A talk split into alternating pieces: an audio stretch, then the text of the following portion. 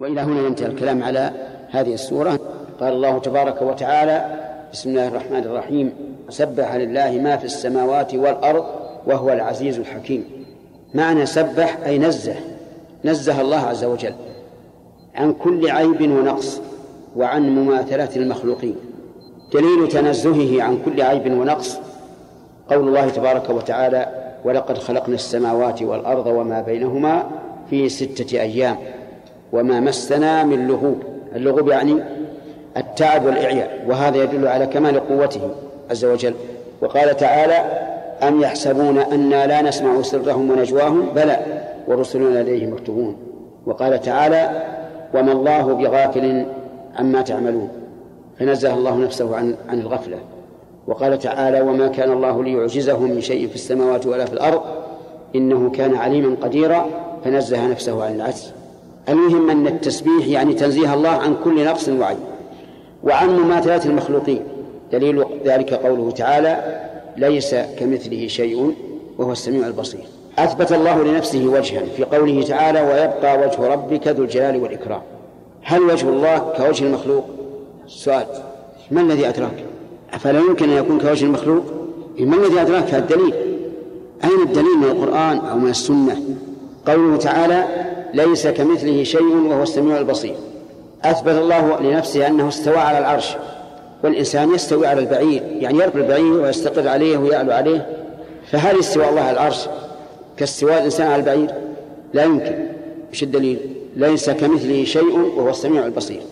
إذا كل صفة يثبتها الله لنفسه وللمخلوق مثلها فإن ذلك موافقة في الاسم فقط. أما في الحقيقة فليس كمثله شيء.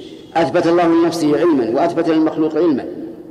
قال الله تعالى فإن علمتموهن مؤمنات فأثبت لنا علما وأثبت لنفسه علما. علم الله أنكم كنتم تختانون أنفسكم. فهل العلم الذي أثبته لنفسه كان المخلوق الدليل بارك الله فيك. إذا سبح لله ما في السماوات والأرض. سبح بمعنى نزه والتنزيه عن شيئين عن النقص والثاني عن مماثلة المخلوقين لا يمكن أن يماثله شيء من المخلوقات لا في ذاته ولا في صفاته ولهذا لا يمكننا أن ندرك الله عز وجل. نعلم بآياته وصفاته وأفعاله لكننا لا ندركه حقيقته عز وجل. لأنه مهما قدرت من شيء فالله تعالى مخ... نعم مخالف له غير مماثل. قول ما في السماوات والأرض أي كل ما في السماوات والأرض. فإنه يسبح الله عز وجل وينزهه يشمل الآدمي الجن الملائكة الحشرات الحيوانات كل شيء كل ما في السماوات والأرض يسبح الله. وهل يسبحه بلسان بلسان المقال بمعنى يقول سبحان الله أو بلسان الحال بمعنى أن تنظيم السماوات والأرض والمخلوقات على ما هي عليه يدل على كمال الله عز وجل وتنزهه عن كل نقص. الجواب أنه يسبح الله بلسان الحال وبلسان المقال. إلا الكافر فإنه يسبح الله بلسان الحال لا بلسان المقال. لأن الكافر يصف الله بكل نقص. يقول اتخذ الله ولدا ويقول إن معه إلها وربما ينكر الخالق أصلا. لكن حاله وخلقته وتصرفه تسبيح لله عز وجل. إذا لو سئلنا هل تسبيح ما في السماوات والأرض بلسان الحال أو بلسان المقال؟ الأخ. طيب إلا إلا الكافر فإنه بلسان الحال لا بلسان المقال. طيب هل الحشرات والحيوانات هل تسبح الله بلسان المقال؟ الجواب نعم. قال الله تعالى وإن من شيء إلا يسبح بحمده ولكن لا تفقهون تسبيحهم. الذر يسبح الله بلسان المقال. الحشرات كلها تسبح الله بلسان المقال. الحصى يسبح الله كما كان ذلك بين يدي بين يدي رسول الله صلى الله عليه وسلم. لكن الكافر لا يسبح الله بلسان المقال. بل بالعكس يسبح الله ما في السماوات والأرض وهو العزيز الحكيم. العزيز يعني ذو العزة والعزة هي الكبرياء والغلبة والسلطان وما أشبه ذلك. إذن العزيز هو ذو السلطان الكامل والغلبة الكاملة فلا أحد يغلبه عز وجل. يقول الشاعر الجاهلي أين المفر والإله الطالب؟ والأشرم المغلوب ليس الغالب. إذن العزيز يعني الغالب في سلطانه وقدرته وقوته وغير ذلك. الحكيم لها معنيان. المعنى الأول ذو الحكمة والمعنى الثاني ذو الحكم التام فهي مشتقة من شيئين من الحكمة والحكم. الحكمة هي أن جميع أفعاله وأقواله وشرعه حكمة وليس فيه سفه بأي حال من الأحوال. ولهذا قيل في تعريف الحكمة إنها وضع الأشياء في مواضعها اللائقة بها. فما من شيء من أفعال الله أو من شرع الله إلا وله حكمة. إذا قدر الله الحر الشديد الذي يهلك الثمار فهو إيش؟ حكمة لا شك. إذا منع الله المطر فهو حكمة. إذا ألقى الله الموت بين الناس فهو حكمة. كل شيء فهو حكمة. الشرائع. إذا أحل الله البيع وحرم الربا فهو حكمة في تحليله حكمة في تحريمه لأن نعلم أن الله حكيم. ففرق عز وجل بين البيع والربا. البيع حله والربا حرمه. وإذا قال قائل ليش؟ قلنا الله أعلم. الله حكيم عز وجل. ولهذا لما قالت المرأة لعائشة رضي الله عنها يا أم المؤمنين ما بال الحائض تقضي الصوم إذا يعني إذا حدث في رمضان؟ ولا تقضي الصلاة. سؤال يعني في إشكال. الواقع يقع يقع في إشكال. ليش الحائض إذا أفطرت في رمضان يلزمها قضاء الصوم؟ وإذا تركت الصلاة لا يلزمها قضاء الصلاة. كلها فرض. قالت لها رضي الله عنها كان يصيبنا ذلك فنؤمر بقضاء الصوم ولا نؤمر بقضاء الصلاة. استدلت رضي الله عنها بالحكم على الحكمة لأن نعلم أن الله حكيم عز وجل فلم يوجب عليها قضاء الصوم دون قضاء الصلاة إلا لحكمة لكن أحيانا نعرف الحكمة وأحيانا لا نعرفها. الربا والبيع لماذا أحل الله البيع وحرم الربا؟ نقول لأن الله أحل البيع وحرم الربا. ولذلك لما قال أهل الربا إنما البيع مثل الربا رد الله قوله فقال أحل الله البيع وحرم الربا. إذا الحكيم مشتق من الحكمة وهي وضع الشيء في موضعه فإذا حكم الله بالشيء شرعا أو حكم بشيء قدرا فلا يشكل عليك. إن وفقك الله لمعرفة الحكمة فهذا خير. وإن لم تعرف فاعلم أن الله حكيم. أيضا له الحكم عز وجل. قال الله تعالى إن الحكم إلا لله. أمر ألا تعبدوا إلا إياه. إن الحكم إلا لله إن الحكم إلا لله أمر ألا تعبدوا إلا إياه. الحكم لله عز وجل. من يستطيع أن يرفع حكم الله عز وجل فيما إذا نزل به الموت؟ عجيب. لا أحد. قال الله تعالى فلولا إذا بلغت الحلقوم وأنتم حينئذ تنظرون ونحن أقرب إليه منكم ولكن لا تبصرون فلولا إن كنتم غير مدينين ترجعونه ما يمكن هذا. لأن الله حكم بهذا. إذا حكم عز وجل بحروب وفتن من يرفع هذا؟ الله عز وجل الحكم له. في الأمور الشرعية من الذي يحكم بين الناس في الشرع؟ نعم. الله عز وجل قال الله تعالى وما اختلفتم فيه من شيء فحكمه إلى الله. فالحكم لله عز وجل. فإذا عرفت أن الله تعالى له الحكمة فيما شرع وفيما خلق وقدر حينئذ تستسلم ولا تجادل لأن الذي حكم بذلك هو الله. إذا علمت أن الحكم لله عز وجل بين العباد فإلى أي شيء ترجع في الأمور الشرعية؟ إلى الكتاب والسنة في الأمور القدرية ترجع إلى الله. إذا حكم عليك بالمرض تفزع إلى الله عز وجل. إذا حكم عليك بالفقر تفزع إلى الله. اللهم أغنني من الفقر اقضي عني الدين وأغني من الفقر. فإذا آمن الإنسان بأن الحكم كله لله إن كان حكما قدريا استسلم وقال هذا أمر الله وأنا عبد الله ولا يمكن أن يكون سوى ما كان وإذا كان شرعيا قال الله عز وجل أعلم وأحكم بما يصلح العباد. قال الله عز وجل هو الأول والآخر والظاهر والباطن. أربعة أشياء. الأول يعني الذي ليس قبله شيء لأنه لو كان قبله شيء لكان الله مخلوقا وهو عز وجل الخالق. ولهذا فسر النبي صلى الله عليه وسلم الأول بأنه الذي ليس قبله شيء. كل الموجودات بعد الله عز وجل. ما في أحد مع الله ولا قبل الله. هو الآخر الذي ليس بعده شيء. لأنه لو كان بعده شيء لكان ما يأتي بعده غير مخلوق لله ومع بأن المخلوقات كلها مخلوقة لله عز وجل. فهو الذي ليس بعده شيء. إذن هو الأول لا ابتداء له. الآخر لا انتهاء له. ليس بعده شيء.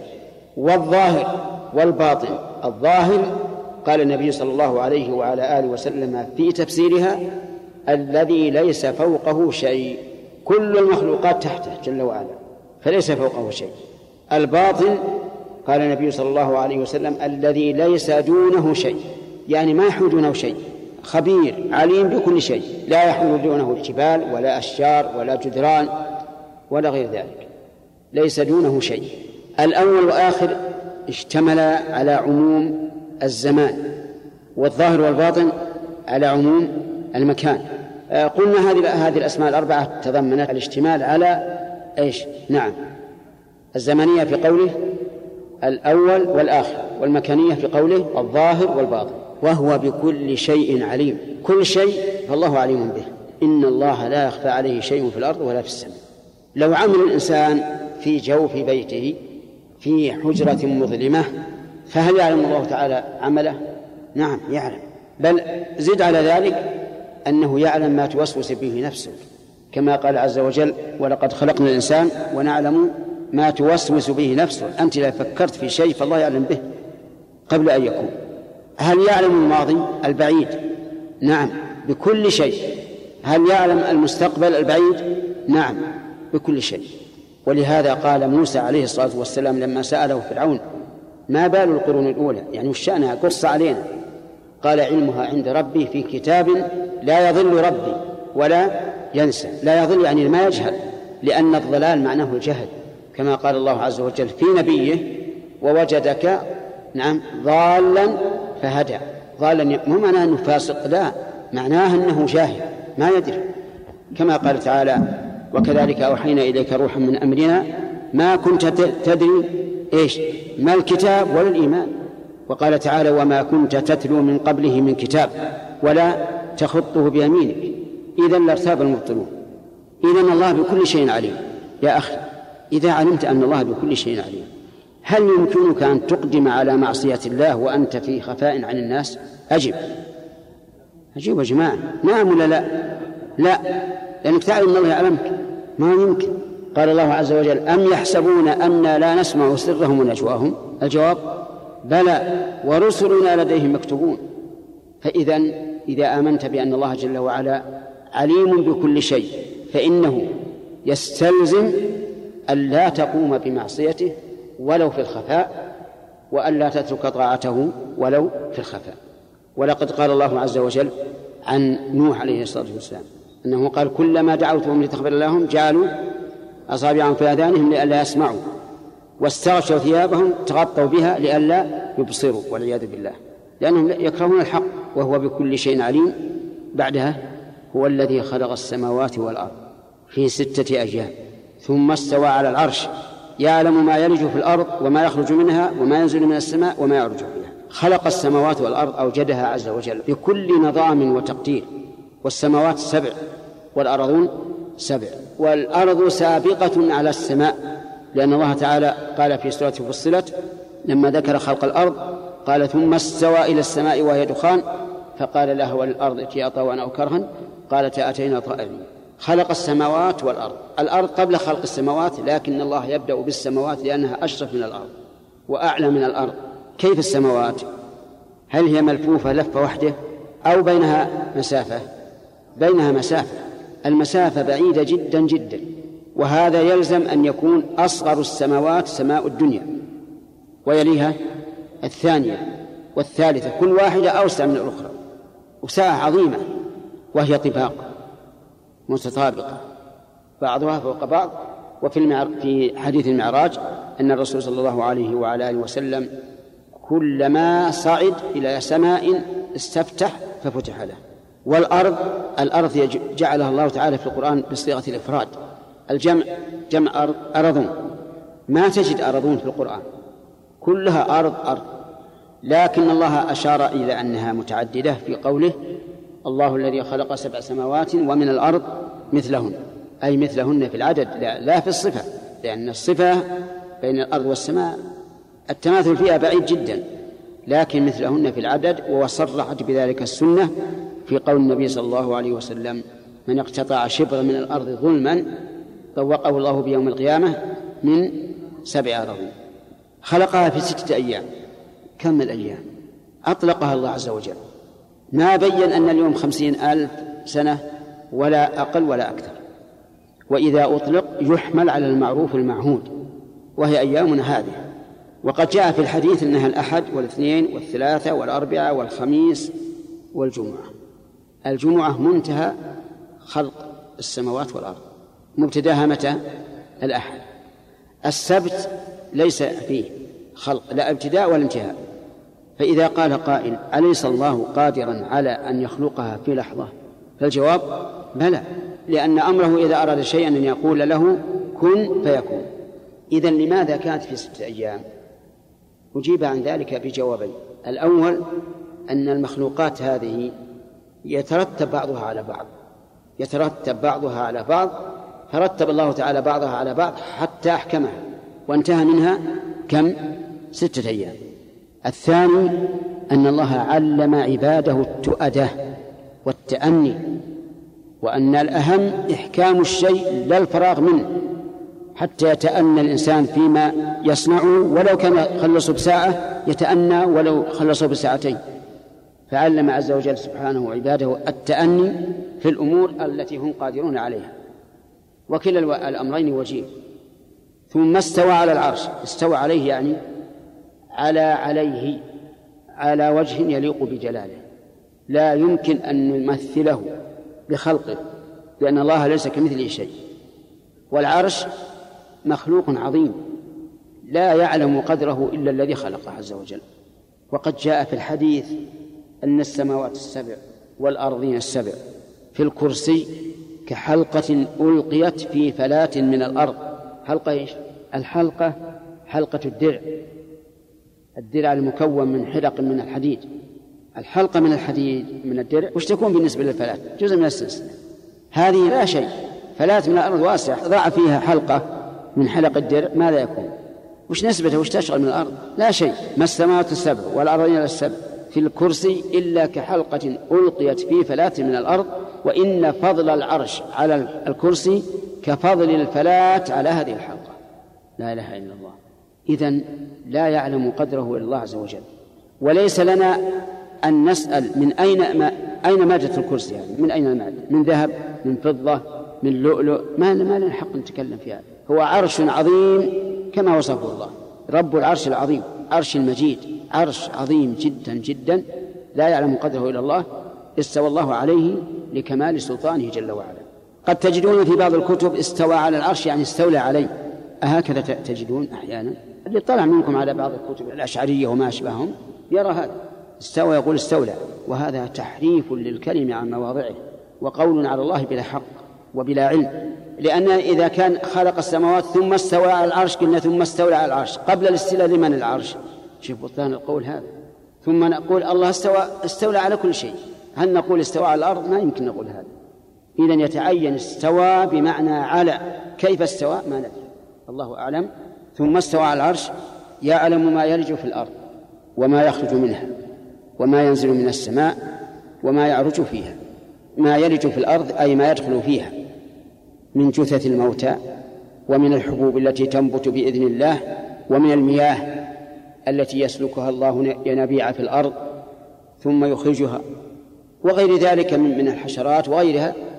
المهم كل ما يلج في الأرض يعلمه الله.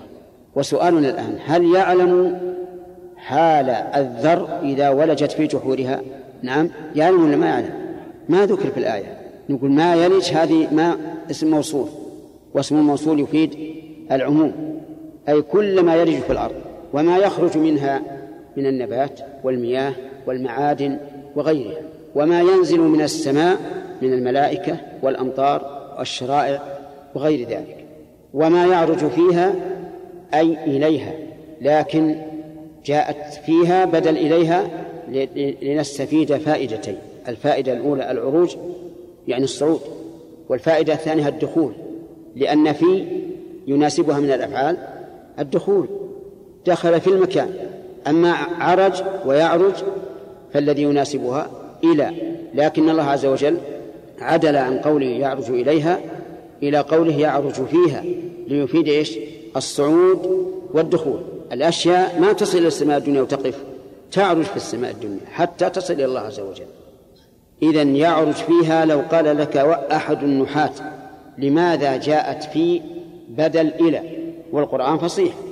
فما الجواب أن نقول ضمن يعرج معنى يدخل. والتضمين هذا موجود في, اللغة في القرآن الكريم وفي اللغة العربية. قال الله تعالى عينا يشرب بها عباد الله. يفجرونها تفجيرا. المناسب ليشرب إيش؟ من. كما قال تعالى يأكل مما تأكلون منه ويشرب مما تشربون يعني منه فشربوا منه إلا قليلا منه وهنا قال يشرب بها. إيش الحكمة؟ قال العلماء الحكمة أن يشرب هنا. ضمنت معنى يروى يروى بها. ومعلوم أن أنك إذا قلت يروى بها فقد تضمن معنى يشرب وزيادة. والتضمين هذا فن مهم في باب البلاغة. ينبغي لطالب العلم أن يدرسه ويحققه. حتى يستفيد مما إذا اختلفت الحروف مع عواملها ولا يشكل عليه. وهو معكم أينما كنتم. هو الضمير يعود على الله عز وجل. معكم أي مصاحب لكم. كما قال النبي صلى الله عليه وسلم اللهم أنت الصاحب في السفر والخليفة في الأهل. لكن هل هذه الصحبة صحبة مكان؟ بمعنى أننا إذا كنا في مكان كان الله معنا؟ حاشا وكلا.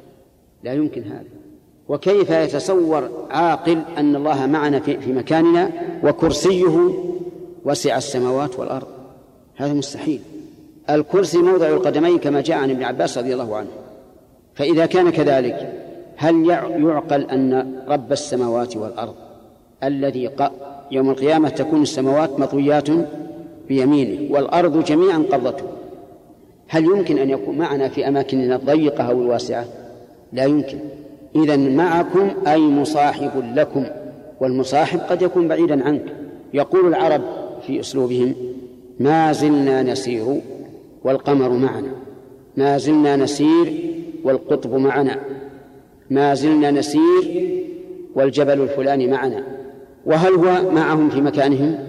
معلوم أن القمر في السماء والنجم في السماء والجبل قد يكون بينك وبينه مسافة أيام. ومع ذلك فالعرب تطلق عليه المعية مع البعد في المكان. كوننا نؤمن بأن الله معنا إذن هو عالم بنا ولا لا؟ طيب. سميع لأقوالنا بصير بأفعالنا له القدرة علينا والسلطان مدبر لنا بكل معنى تقتضيه المعية. واعلم أن من الضلال من يقولون إن الله معنا في أمكنتنا. نسأل الله العافية. وينكرون أن يكون الله في السماء عاليا. فأتوا داهيتين عظيمتين. إنكار علو إنكار علو الله يعني هما إنكار علو الله والثاني اعتقاد أنه في الأرض.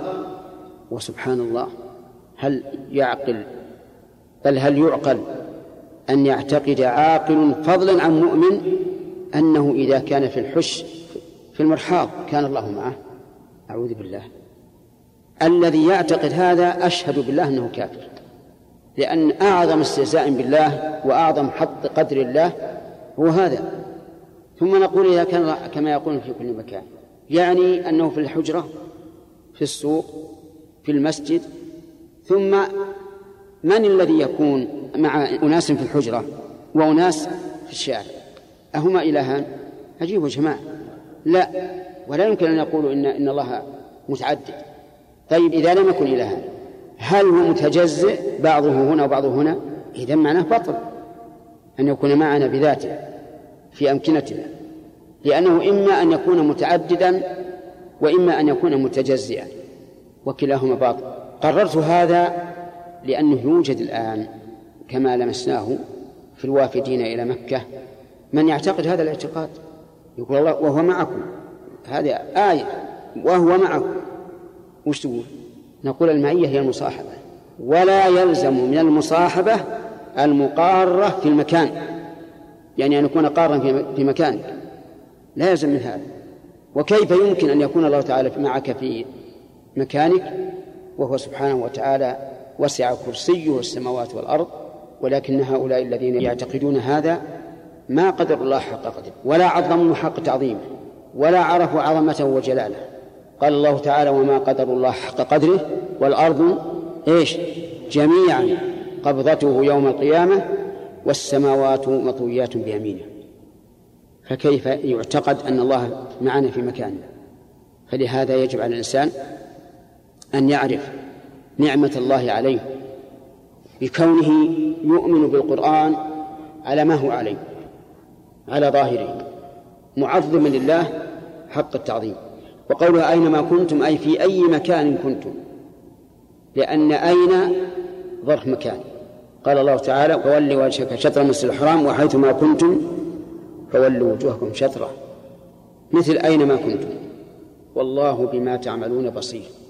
أي بما تعملون من الأعلام من الأعمال كلها بصير. وهل البصر هنا بصر علم أو بصر رؤية؟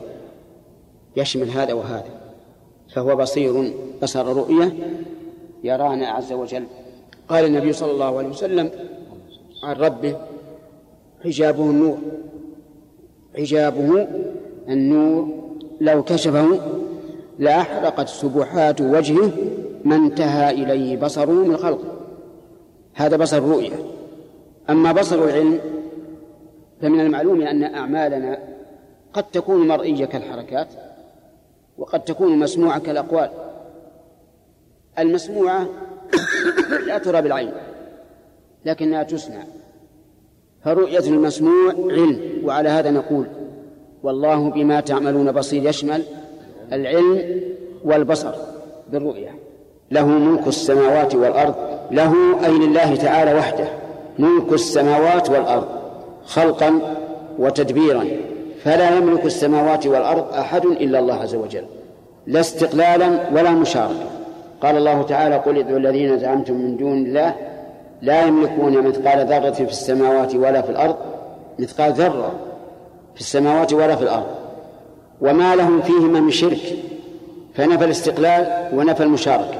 وما له أي ما لله منهم من ظهير أي من مساعد ساعده على خلق السماوات والأرض. فله ملك السماوات والأرض. كم عدد السماوات الأخ؟ سبع؟ لا. السماوات أكبر من الأرض. أفلا يكون عددها عشر؟ ظاهر لا لا ما أظن أن أن يبقى أحد يجهلها. عددها سبع. قال الله تعالى قل من رب السماوات السبع ورب العرش العظيم. الأرضون أيضا عددها سبع.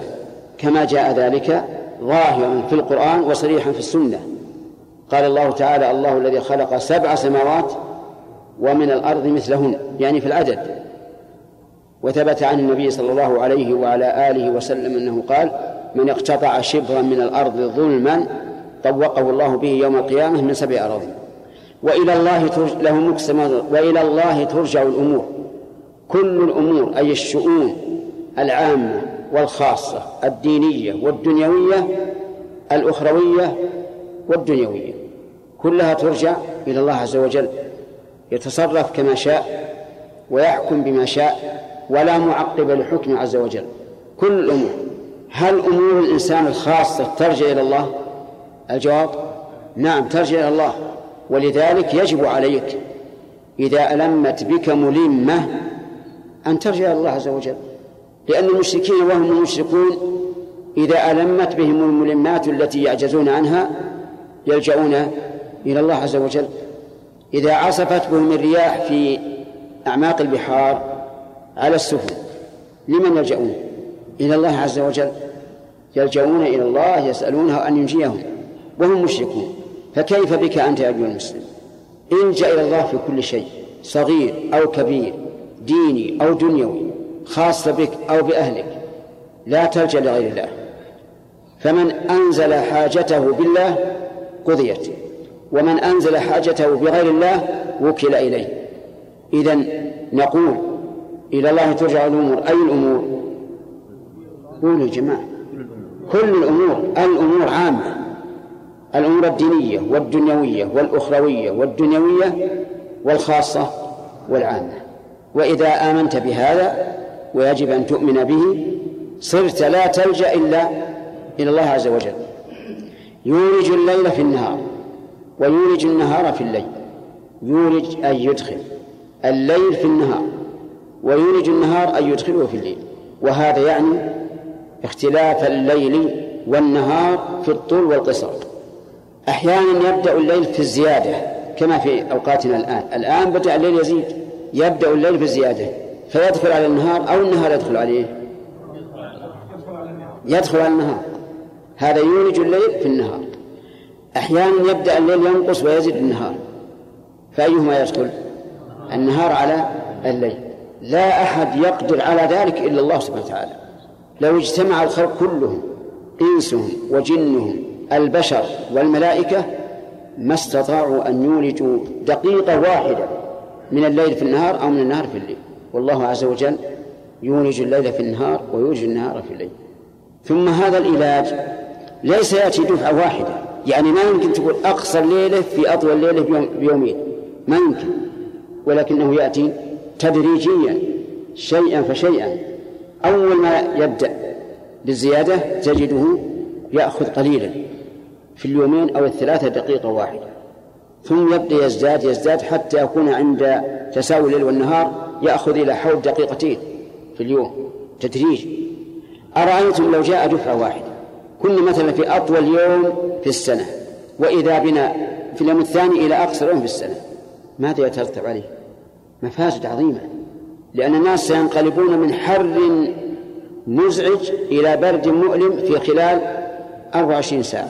وهذا لا شك أنه مضر بالأبدان والنبات والجو لكنه عز وجل يولجه على تنظيم موافق للحكمة تماما. ولا أحد والله يستطيع أن يفعل هذا أبدا.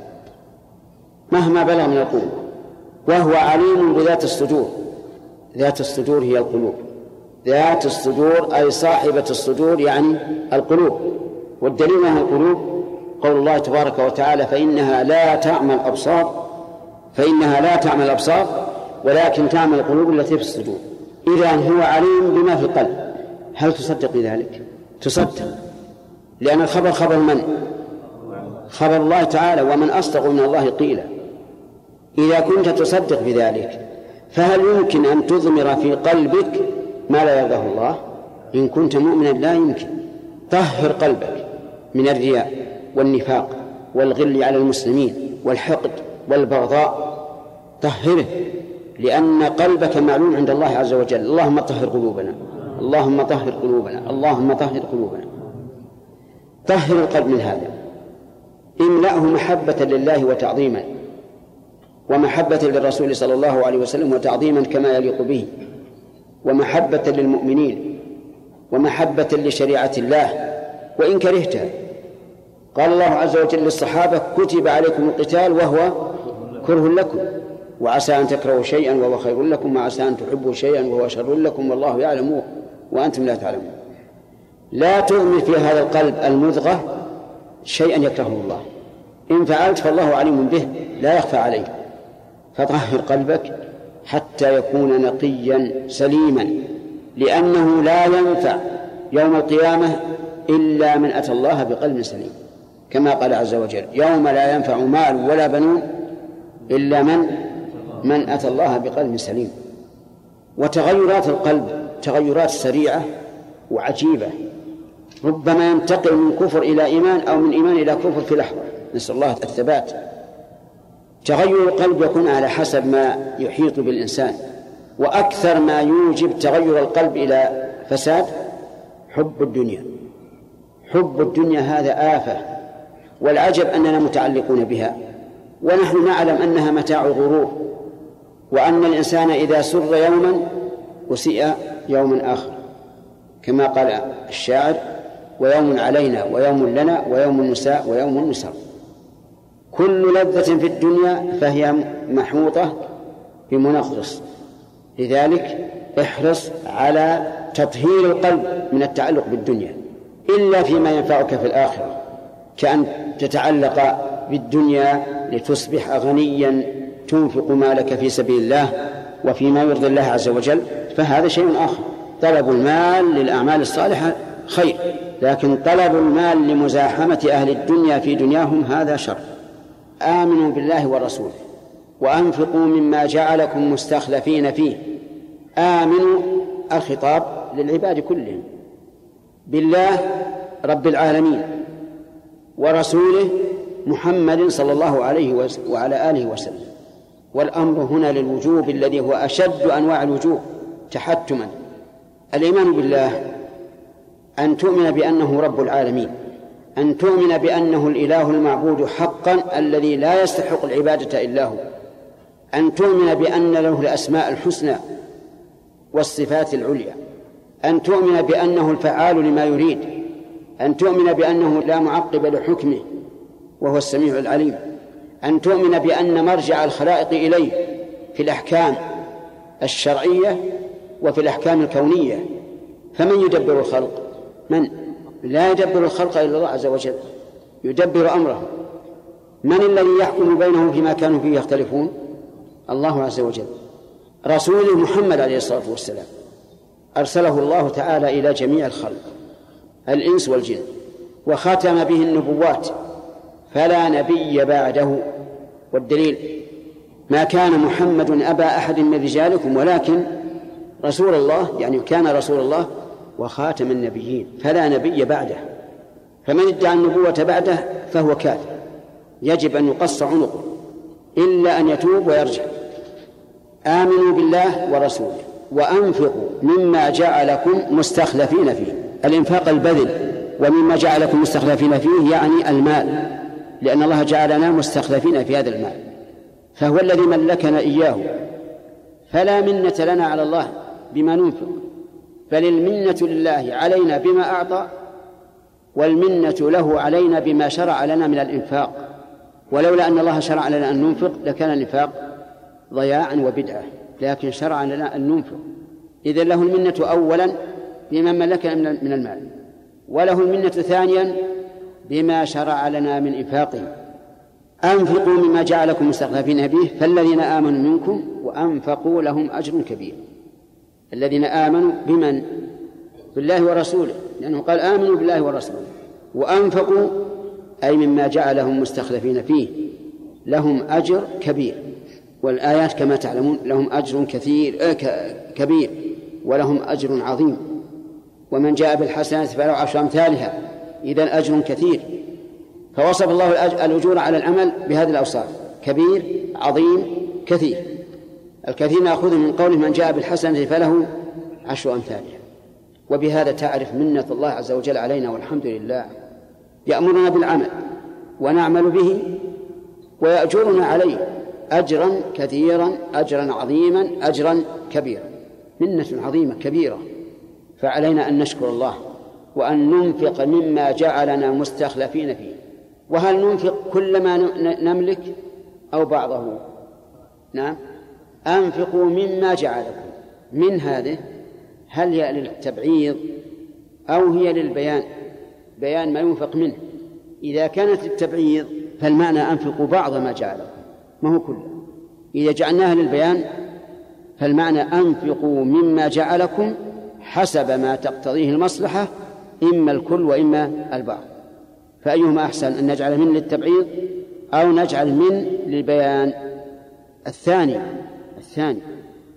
إذا جعلناها للبيان صار الإنسان مخيرا أن ينفق كل ماله أو بعض ماله أكثره أو أقله حسب ما تقتضيه المصلحة. ومعلوم أنه كلما كان المعنى أوسع كان أولى بالأخذ به. والقرآن الكريم العظيم معانيه واسعة عظيمة. ولذلك حث النبي صلى الله عليه وسلم مرة على الصدقة. وكان الصحابة رضي الله عنهم يتسابقون إلى الخير. كل واحد يحب أن يكون هو السابق. فقال عمر رضي الله عنه اليوم أسبق أبا بكر لأن هذين الرجلين هما أخص الصحابة بالرسول عليه الصلاة والسلام وأحب الصحابة إلى الرسول. إن النبي صلى الله عليه وسلم يحب أبا بكر أشد من حب علي بن أبي طالب مع أن علي بن أبي طالب ابن عمه وزوج ابنته لكن أبا بكر يحبه أشد وأكثر. فقد سئل من أحب الناس إليه قال أبو بكر. وهذا كلامه وكلامه صدق ولا في شك؟ صدق ولا شك في هذا. يقول لو كنت متخذا من أمتي أبا بكر لو كنت متخذا من أمتي خليلا لاتخذت أبا بكر. المهم عمر كان هو أبو بكر كفرسي رهان يحب أن يسبقه. لا حسد لأبي بكر ولكن حبا للفضل لنفسه.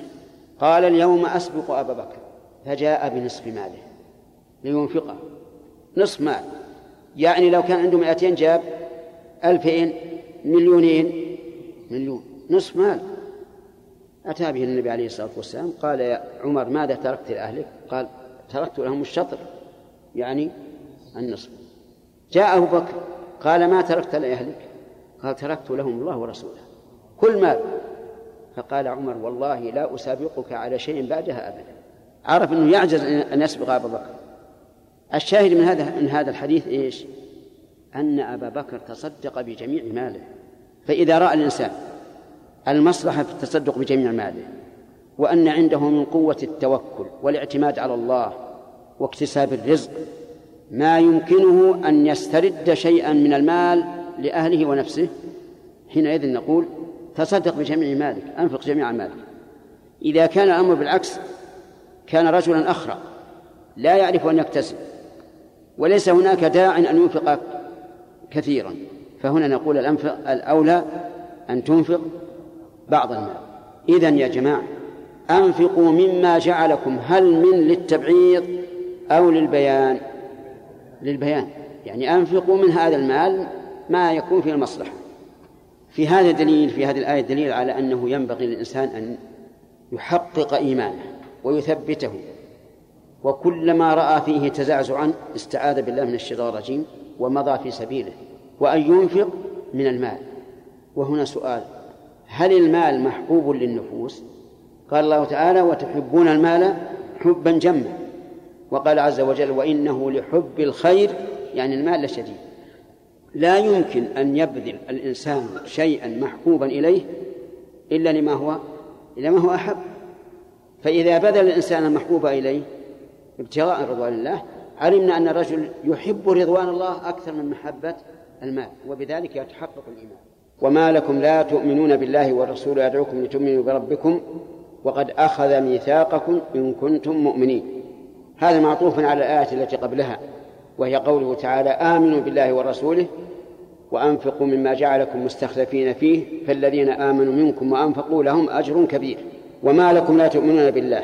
يعني أي شيء يمنعكم من الإيمان بالله؟ وقد تمت أسباب وجوب الإيمان به وذلك بدعوة النبي صلى الله عليه وعلى آله وسلم. كما قال عز وجل والرسول يدعوكم لتؤمنوا بربه. وقد أخذ ميثاقا يعني أخذ الله ميثاقكم العهد أن تؤمنوا به وبرسله. فصار هناك سببان للإيمان. الأول دعوة النبي صلى الله عليه وعلى آله وسلم إليه والثاني الميثاق الذي أخذه الله علينا وذلك بما أعطانا عز وجل من الفطرة والعقل والفهم الذي ندرك به ما ينفعنا ويضرنا.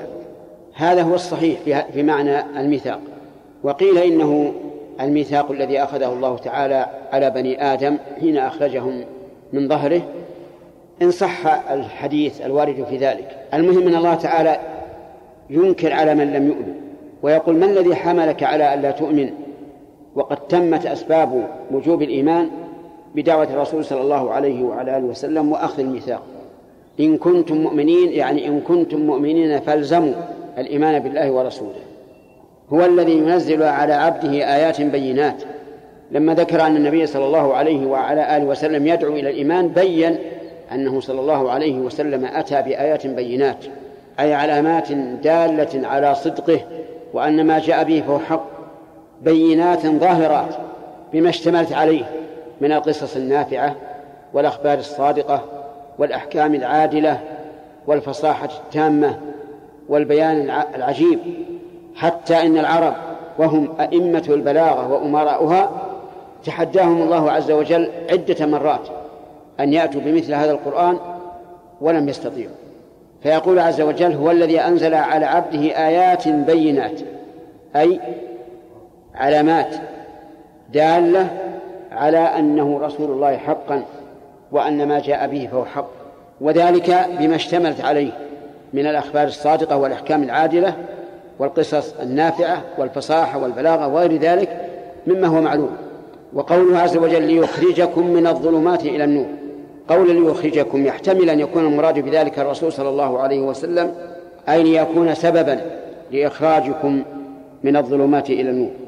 ويحتمل أن يعود إلى الله عز وجل أي ليخرجكم الله تعالى بهذه الآيات من الظلمات إلى النور. وكلا المعنيين حق. قال الله تعالى الله ولي الذين آمنوا يخرجهم من الظلمات إلى النور.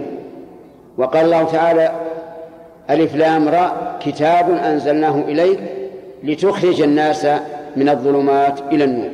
فالنبي صلى الله عليه وسلم سبب أن يخرج الناس من الظلمات إلى النور وأما المخرج حقيقة فهو الله عز وجل. والمراد بالظلمات ظلمات الجهل وظلمات الشرك ظلمات العدوان ظلمات العصيان. كل ما خالف الحق فهو ظلمة وكل ما وافقه فهو نور. فقوله عز وجل ليخرجكم الضمير يعود على من؟ الأخ. الضمير ليخرجكم من؟ الكاف للناس لكن الفاعل الضمير يعود على من؟ إما على الله وإما على الرسول. طيب. ما هو الذي يؤيد أن يعود, أن يعود إلى الله؟ قول الله تعالى الله ولي الذين آمنوا يخرجهم من الظلمات إلى النور. طيب. والذي يؤيد أن يعود إلى الله؟ نعم إلى الرسول. كتاب أنزلناه إليك لتخرج الناس من الظلمات إلى النور. وإذا كانت الآية تحتمل معنيين ولا منافاة بينهما تحمل عليهما جميعا. فالله مخرج حقيقة والرسول مخرج على أنه سبب. وإن الله بكم لرؤوف رحيم. الجملة هذه خبرية مؤكدة بإن واللام وإن الله بكم لرؤوف رحيم. الرأفة أرق الرحمة والرحمة أعم فهو عز وجل رؤوف رحيم أي ذو رحمة بالمؤمنين عز وجل كما قال تعالى وكان بالمؤمنين رحيما رحمة الله سبحانه وتعالى إما عامة وإما خاصة فالعامة الشاملة لجميع الناس والخاصة بالمؤمنين كما قال عز وجل وكان بالمؤمنين رحيما فإذا قال قائل أي رحمة من الله عز وجل للكافر؟ فالجواب أمده بأنعام وبنين وعقل وأمن ورزق بل إنهم أي الكفار قد عجلت لهم طيباتهم في حياتهم الدنيا. أليس كذلك؟ قال الله عز وجل ولو يؤاخذ الله الناس بما كسبوا ما ترك على ظهرها من دابة ولكن يؤخرهم إلى أجل مسمى. فإذا سألك سائل هل لله رحمة على الكافر؟ فقل لا تقل نعم ولا لا. أما بالمعنى العام إيش؟ فنعم رحمه. ولولا رحمة الله به لهلك.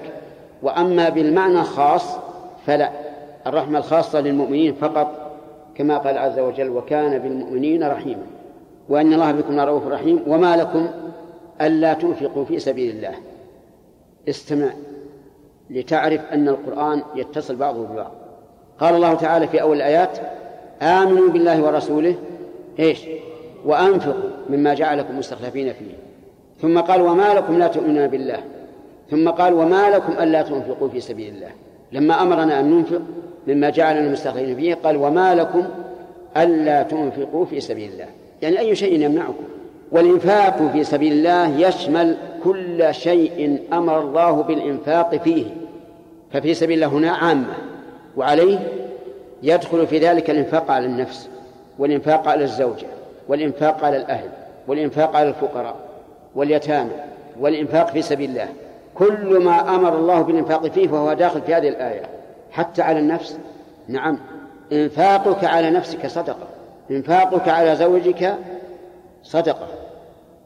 لكن لاحظ لاحظ النية لقول النبي صلى الله عليه وعلى آله وسلم لسعد بن أبي وقاص واعلم أنك لن تنفق نفقة تبتغي بها وجه الله إلا أجرت عليها. لازم. القيد هذا لا بد منه. تبتغي به وجه الله إلا أجرت عليها أي أثبت عليها. إذا ما لكم ألا تنفقوا في سبيل الله؟ ما المراد بالإنفاق في سبيل الله الأخ؟ كل ما أمر الله بالإنفاق فيه. طيب. ولله ميراث السماوات والأرض. يعني كيف لا تنفق؟ والذي سيرث السماوات والأرض هو الله. ومن جملة ما ذلك مالك الذي بخلت به. سيرثه الله عز وجل. سيرثه الله. فإذا ورث مالك من بعده فإما أن يرثه أن يرثه صالح فيكون أسعد به منك وإما أن يرثه مفسد فتكون خلفت له ما يستعين به على إفساده. أفهمتم هذا؟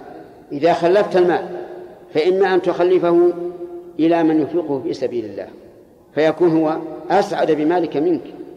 وإما أن تخلفه لمفسد يستعين به على معصية الله فتكون أعنته على معصية الله بما خلفت له من المال. إذن ما هو اللائق بك؟ أن تنفقه في سبيل الله حتى يكون لك غنم وتسلم من غائلته لو ورثه من يفسد به. تذكر يا أخي عندما تفكر في الإنفاق فيأتيك الشيطان ويأمرك بالبخل ويعدك الفقر. فكر. أنك إذا خلفت هذا المال فلا بد أن يورث. لن يدفن معك. لا بد أن يورث. ويكون الإرث دائرا بين الأمرين السابقين اللذين ذكرتهما وهو إما أن يرثه من ينفقه في سبيل الله فيكون أسعد بمالك منك وإما أن يرثه من يستعين به على الفساد في الأرض فتكون أنت سببا للإفساد في الأرض. ولا بد من هذا. ولله ميراث السماوات والأرض لا يستوي منكم من أنفق من قبل الفتح وقاتل. من أنفق في إيش؟ في سبيل الله. لا يستوي منكم من أنفق في سبيل الله وقاتل يعني مع من لم ينفق ولم يقاتل. لا يمكن أن يستوي هذا وهذا لأن دين الإسلام دين العدل في العمل والجزاء. انتبه دين العدل في إيش؟ في العمل والجزاء. وليس كما يقول المحدثون المحدثون. إنه دين المساواة. هذا غلط غلط عظيم. لكن يتوسل به أهل الآراء والأفكار الفاسدة إلى مقاصد ذميمة حتى يقول المرأة والرجل سواء والمؤمن والفاسق سواء والعربي والعجمي سواء. ولا فرق. وسبحان الله أنك لن تجد في القرآن كلمة المساواة بين الناس. لا بد من فرق. بل أكثر ما في القرآن نفي المساواة. لا يستوي قل هل يستوي الذين يعلمون والذين لا يعلمون؟ وآيات كثيرة. فاحذر أن تتابع فتكون كالذي ينعق بما لا يسمع إلا دعاء ونداء. بدل من أن تقول الدين الإسلامي دين المساواة قل إيش؟ دين العدل الذي أمر الله به أن يعطي كل ذي حق حق. أرأيت المرأة مع الرجل في الإرث سواء ولا يختلفون؟ يختلفون. في الدية الدية دية النفس المرأة نصف دية الرجل. في العقيقة فك الرهان الذكر ثنتان والأنثى واحدة. في الدين المرأة ناقصة. إذا حاضت لم تصلي ولم تصم في العقل المرأة ناقصة. شهادة الرجل بشهادة امرأته وهلم جرة الذين ينطقون بكلمة مساواة إذا قررنا هذا وأنه من القواعد الشرعية الإسلامية ألزمونا بالمساواة في هذه الأمور. وإلا لصرنا متناقضين. فنقول دين الإسلام هو دين العدل يعطي كل إنسان ما يستحق. حتى جاء في الحديث أقيلوا ذوي الهيئات عثراتهم إلا الحدود. يعني إذا أخطأ الإنسان الشريف الوجيه في غير الحدود فاحفظ عليه كرامته وأقله. هذا الذي تقيله إذا كان من الشرفاء. إقالتك إياه أعظم تربية من أن تجلده؟ ألف جلدة لأنه كما قيل الكريم إذا أكرمته إيش؟ ملكته. لكن لو يجي إنسان فاسق ماجن هذا أشدد عليه العقوبة وأعزره. ولهذا لما كثر شرب الخمر في عهد عمر بن الخطاب ماذا فعل؟ ضاعف العقوبة. بدل أربعين جعلها ثمانين. كذلك الحديث الصحيح الذي رواه أهل السنة. من شرب فاجلدوه ثم إن شرب فاجلدوه ثم إن شرب فاجلدوه ثم إن شرب عن رابع فاقتلوه. لأن هذا ما في ما في فائدة. ثلاث مرات نعاقبه ولكن لا فائدة. إذن خير له ولغيره إيش؟ أن يقتل. إذا قتلناه استراح من الإثم كما قال عز وجل ولا يحسبن الذين كفروا أن ما نملي لهم خير لأنفسهم إنما نملي لهم ليزدادوا إثما ولهم عذاب مهين. الخلاصة التعبير بأن دين الإسلام دين مساواة غلط ولا صح؟ غلط. ما هو الصحيح؟ دين العجب لا شك.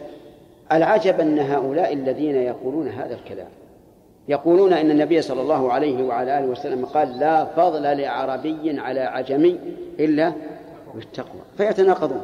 الحديث ما نفى مطلقا قال إلا بالتقوى. مع إذن يختلفون بالتقوى ولا ما يختلفون؟ ها؟ يختلفون. هذه هذه. ثم إن هذا الحديث أظنه لا يصلح عن النبي عليه الصلاة والسلام لأنه قال إن الله اصطفى من بني إسماعيل كنانة واصطفى من كنانة قريشا واصطفى من قريش بني هاشم واصطفاني من بني هاشم. ففضل. ولا شك عندنا أن العرب أعني جنس العرب أفضل من جنس غير العرب. لا شك عندنا في هذا. والدليل على هذا أن الله جعل في العرب أكمل نبوة ورسالة. من؟ محمد صلى الله عليه وسلم. أكمل نبوة ورسالة جعل الله في العرب. وقد قال الله تعالى الله أعلم حيث يجعل رسالته. فالأجناس تختلف. وقال عليه الصلاة والسلام خياركم في الجاهلية خياركم في الإسلام. احذر أن تتابع في العبارات التي ترد من المحدثين المحدثين حتى تتأملها وما فيها من الإيحاءات التي تدل على مفاسد ولو على المدى البعيد. أسأل الله أن يهدينا وإياكم صراطه المستقيم وأن يتولانا في الدنيا والآخرة إنه على كل شيء قدير. لا يستوي منكم من أنفق من قبل الفتح وقاتل أولئك أعظم درجة من الذين أنفقوا من بعد وقاتلوا. أي لا يكونون سواء. الذي أنفق من قبل الفتح والمراد بالفتح هنا صلح الحديبية الذي جرى بين النبي صلى الله عليه وعلى آله وسلم وبين قريش. وذلك في ذي القعدة من عام ست من الهجرة من عام ستة من الهجرة. وسمي فتحا لأنه صار فيه توسيع للمسلمين وتوسيع أيضا للمشركين.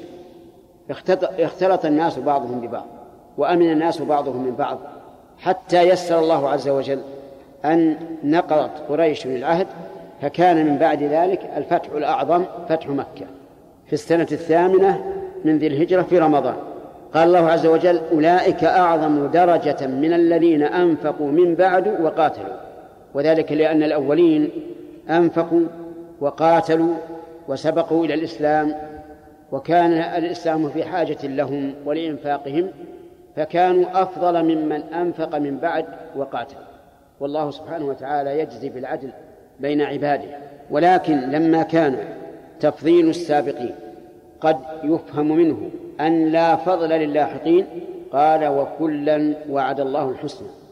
كلا من الذين أنفقوا من قبل الفتح وقاتلوا والذين أنفقوا من بعد وقاتلوا وعدهم الله الحسنى يعني الجنة. والله بما تعملون خبير أي عليم ببواطن أموركم كظواهرها لا يخفى عليه شيء. وإذا كان عالما بها فسوف يجازي كل عامل بما عمل. قال الله تعالى فمن يعمل مثقال ذرة خيرا يره ومن يعمل مثقال ذرة شرا يره. المراد بالفتح هنا صلح الحديبية والمراد بالحسنى الجنة. إذن كل الصحابة وعدهم الله تعالى الجنة فنحن نشهد لكل الصحابة أنهم في الجنة لكن لا نشهد لأحد بعينه إلا من شهد له الرسول صلى الله عليه وعلى آله وسلم. ثم قال عز وجل حاثا ومراقبا على الإنفاق في سبيله. فقال من ذا الذي يقرض الله قرضا حسنا فيضاعفه له. أي أين الذين يقرضون الله قرضا حسنا؟ أي ينفقون فيما أمرهم بالإنفاق فيه. وأشار الله في هذا إلى شيئين الإخلاص والمتابعة. الإخلاص في قوله من ذا الذي يقرض الله. يعني لا يريد سوى الله عز وجل. والمتابعة في قوله حسنا لأن العمل الحسن ما كان موافقا للشريعة الإسلامية. وهذان أعني الإخلاص والمتابعة هما شرطان في كل عمل أن يكون مخلصا لله وأن يكون متابعا فيه رسول الله صلى الله عليه وعلى آله وسلم.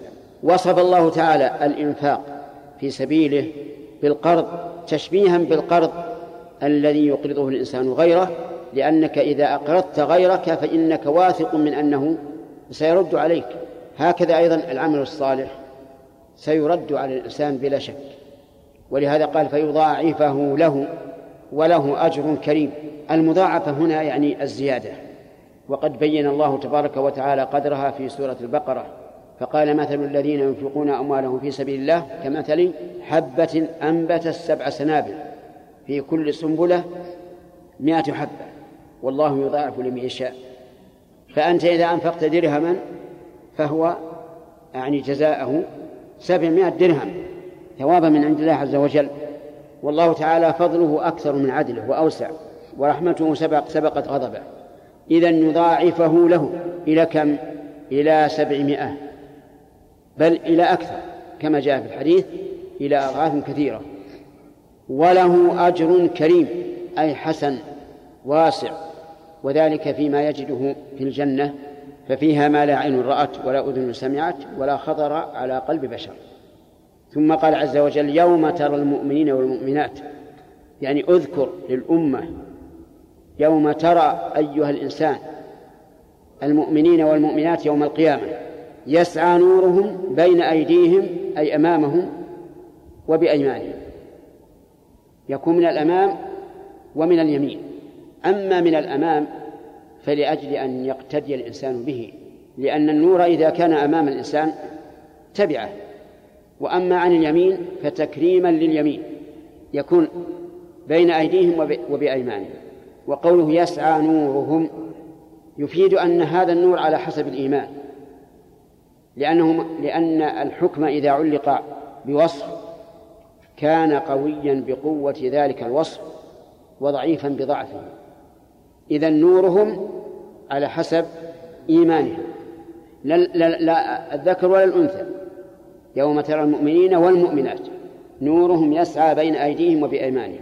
لماذا خص بين الأيدي والأيمان؟ نعم.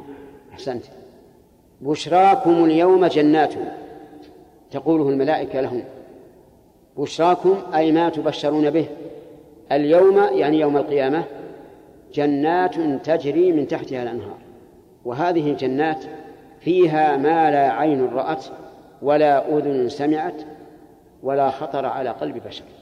فيها ما تشتهيه الأنفس وتلذ الأعين. فيها ما يشاءون كما قال الله عز وجل. لهم فيها ما يشاءون لهم ما يشاءون فيها ولدينا مزيد. وجمعها لأنها جنات متعددة متنوعة. درجات مختلفة حسب قوة الإيمان والعمل. وقول تجري من تحتها الأنهار أي تسير. والأنهار جمع نهر. وقد بين الله تبارك وتعالى في سورة القتال أنها أربعة أنواع. أنهار من ماء غير آسن وأنهار من لبن لم يتغير طعمه وأنهار من خمر لذة للشاربين. وأنهار من عسل مصفى. وهذه الأنهار لا تحتاج إلى حفر الساقية ولا إلى جدولة تسير على سطح الأرض حيث شاء أهلها. قال ابن القيم رحمه الله أنهارها من غير أخدود جرت سبحان ممسكها عن الفيضان. لا تذهب يمينا ولا شمالا إلا حيث أراد أهلها. وأشار في قوله من تحتها إلى علو قصورها وأشجارها. يعني تكون هذه الأنهار من تحت هذه القصور العالية والأشجار الرفيعة خالدين فيها أي ماكثين فيها. وقد جاءت آيات متعددة بأن هذا المكث دائم ليس فيه زوال ولا انقطاع ولا تغير. ذلك هو الفوز العظيم. ذلك المشار إليه ما وعدهم الله به. الجنات التي تجري من تحتها الأنهار هو الفوز العظيم. هو يسميها العلماء يسميه العلماء ضمير فصل وهو مفيد للتوكيد والاختصاص. أي هذا الذي ذكر هو الفوز العظيم لأنه لا فوز مثله كما أنه لا فوز أعظم منه. نسأل الله أن يجعلنا وإياكم من أهله إنه على كل شيء قدير. يوم يقول المنافقون والمنافقات للذين آمنوا انظرونا نقتبس من نوركم. قيل ارجعوا وراءكم فالتمسوا نورا. فضرب بينهم بسور له باب باطنه فيه الرحمة وظاهره من قبل العذاب. يوم يقول المنافقون والمنافقات يعني اذكر يوم يقول. فكلمة يوم يقول ظرف زمان. ولا بد للظرف الزماني والمكاني والجار والمجرور لا بد لها من شيء تتعلق به. والعلماء يقدرون المحذوف في كل مكان بما يناسب. فهنا المناسب أن يكون التقدير اذكر أيها الإنسان. يوم يقول المنافقون إلى آخره هذا اليوم هو يوم القيامة. والمنافقون هم الذين أظهروا الإسلام وأبطنوا الكفر. يقولون بألسنتهم ما ليس في قلوبهم.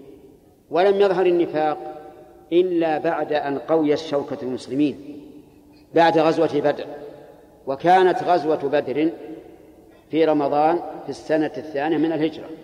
انتصر فيها المسلمون انتصارا ساحقا على الكفار. فلما بزغ فجر الإسلام وقويت الشوكة ظهر النفاق. النفاق هو أن الإنسان يظهر الإسلام ويبطن الكفر وشاع ذلك في المسلمين. فكانوا يأتون إلى الصلاة مع الناس ويحضرون الجماعة لكنها ثقيلة عليهم. وأثقل الصلوات على المنافقين صلاة العشاء وصلاة الفجر لأنه ليس ليس هناك أضواء يشاهدون فيها وهم إنما يصلون يراؤون الناس. في يوم القيامة يظهر نور للمؤمنين والمنافقين. ثم ينطفئ نور المنافقين. وأنت تعلم أيها الإنسان أن انطفاء النور بعد وجوده يكون أشد ظلمة مما لو لم يكن هناك نور. أليس كذلك؟ ولهذا لو أنك أطفأت النور القوي ثم فتحت عينيك لم تر شيئا إلا بعد برهة من الزمن. فيكون انطفاء النور بعد وجوده أشد عليهم مما لو لم يكن هناك نور. ثم تكون الحسرة أشد.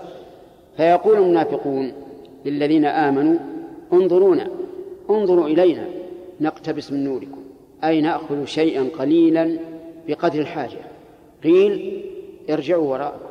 والقيل هذا إما من المؤمنين أو من الملائكة ما ندري الله أعلم. قيل ارجعوا وراءكم فالتمسوا نورا. وهل هذا حقيقة أو أو تهكم بهم؟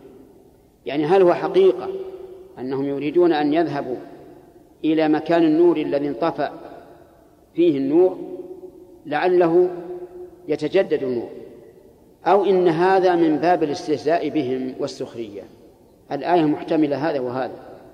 ثم بعد ذلك فضرب بينهم أي بين المنافقين والمؤمنين بسور له باب. والسور هذا سور عظيم يمنع من القفز من ورائه له باب يدخل منه المؤمنون ويمنع منه المنافقون. باطنه فيه الرحمة. باطن هذا السور فيه الرحمة للمؤمنين وظاهره من قبله العذاب للمنافقين. وأنت لا تستطيع أن تتصور هذه الحال لأن الحال أعظم من أن نتصورها. حال عظيمة. ينادونهم.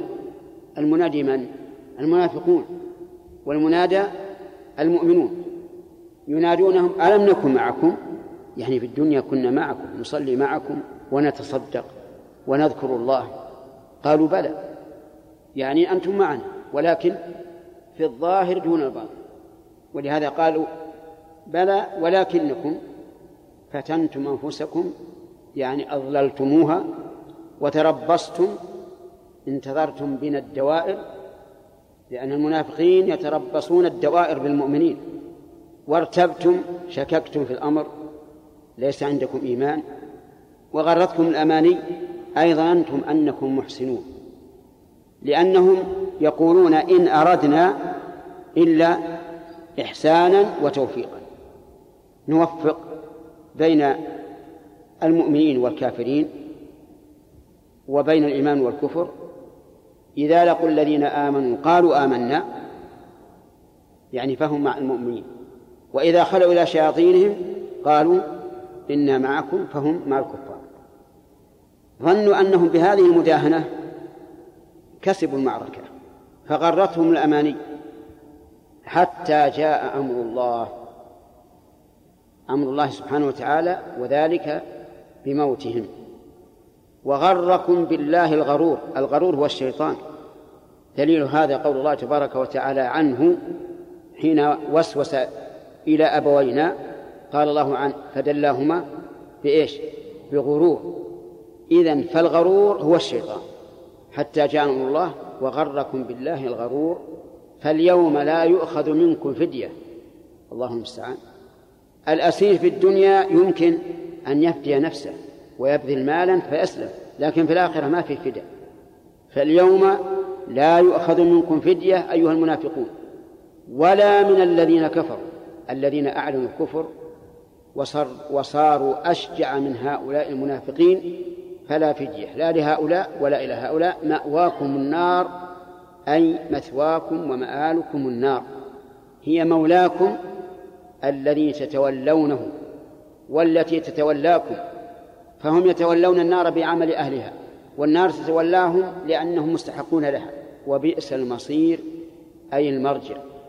وهذا تقبيح لها أعاذنا الله وإياكم منها. نسأل الله أن يجعلنا وإياكم ممن زحزح عن النار وأدخل الجنة ومن الفائزين المتقين المفلحين. قال الله تعالى ألم يأن للذين آمنوا أن تخشع قلوبهم لذكر الله وما نزل من الحق؟ يعني ألم يحق لهؤلاء المؤمنين أن تخشع قلوبهم لذكر الله؟ أي أن تذل وتنقاد غاية الانقياد لذكر الله تعالى في القلوب واللسان والجوارح وما نزل من الحق يعني القرآن الكريم وهو من ذكر الله لكنه ذكره بخصوصه لأهميته. ولا يكون يعني وأن لا يكونوا كالذين أوتوا الكتاب من قبل فقست قلوبهم وكثير منهم فاسقون. الذين أوتوا الكتاب من قبل هم اليهود والنصارى فطال عليهم الأمل يعني طال بهم الزمن ونسوا حظا مما ذكروا به. فقست قلوبهم والعياذ بالله وكثير منهم فاسقون. وبعضهم مستقيمون. هذه الآية الكريمة يبين الله تبارك وتعالى أنه قد حق للمؤمنين أن تخشع قلوبهم لذكر الله ولكتاب الله وأن لا يكونوا كالذين أوتوا الكتاب من قبل فطال عليهم الأمد فقست قلوبهم لبعدهم عن زمن الرسالات. وفي هذا إشارة إلى أن أول الأمة خير من آخرها. وأخشع قلوبا وذلك لقربهم من عهد الرسالة. وقد صح بذلك الحديث عن النبي صلى الله عليه وعلى آله وسلم فقال خير الناس قرني ثم الذين يلونهم ثم الذين يلونهم.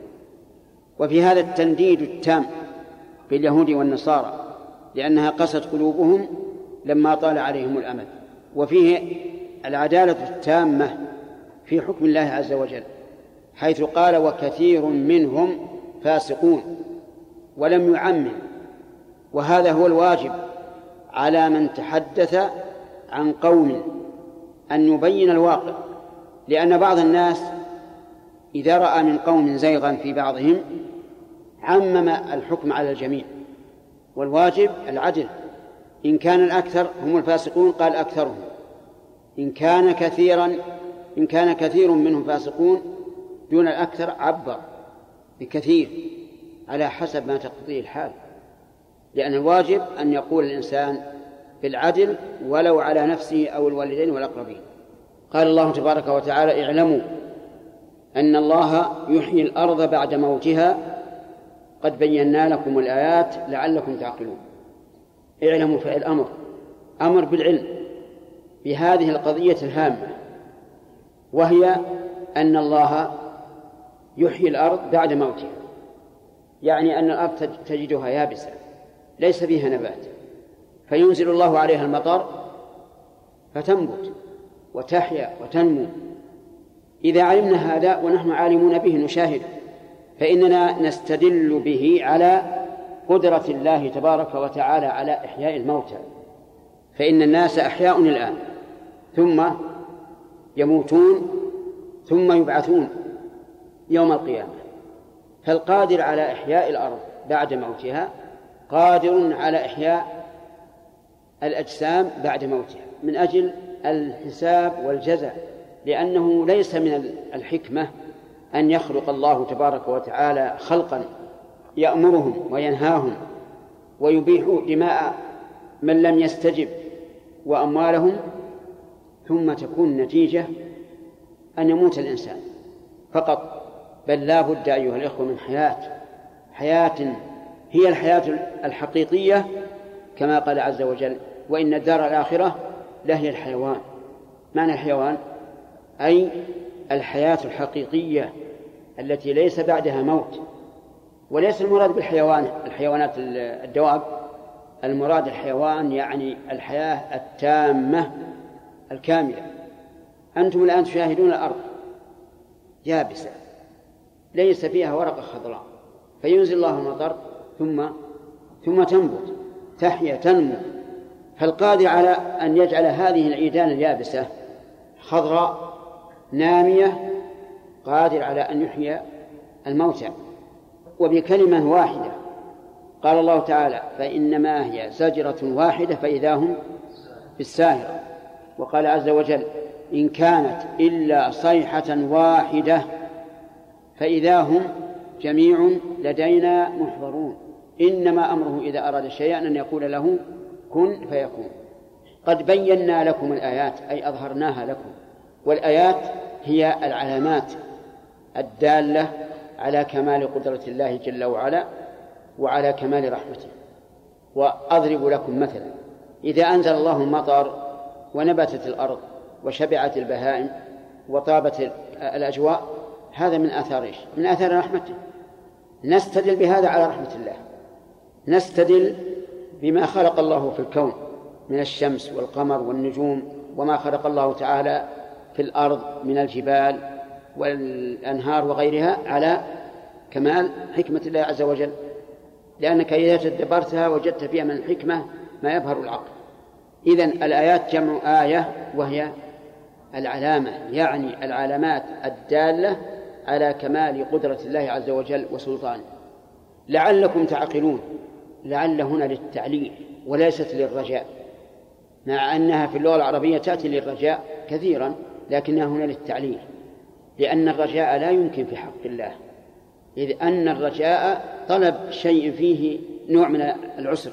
لكن الله عز وجل لا يتصور في حقه الرجاء.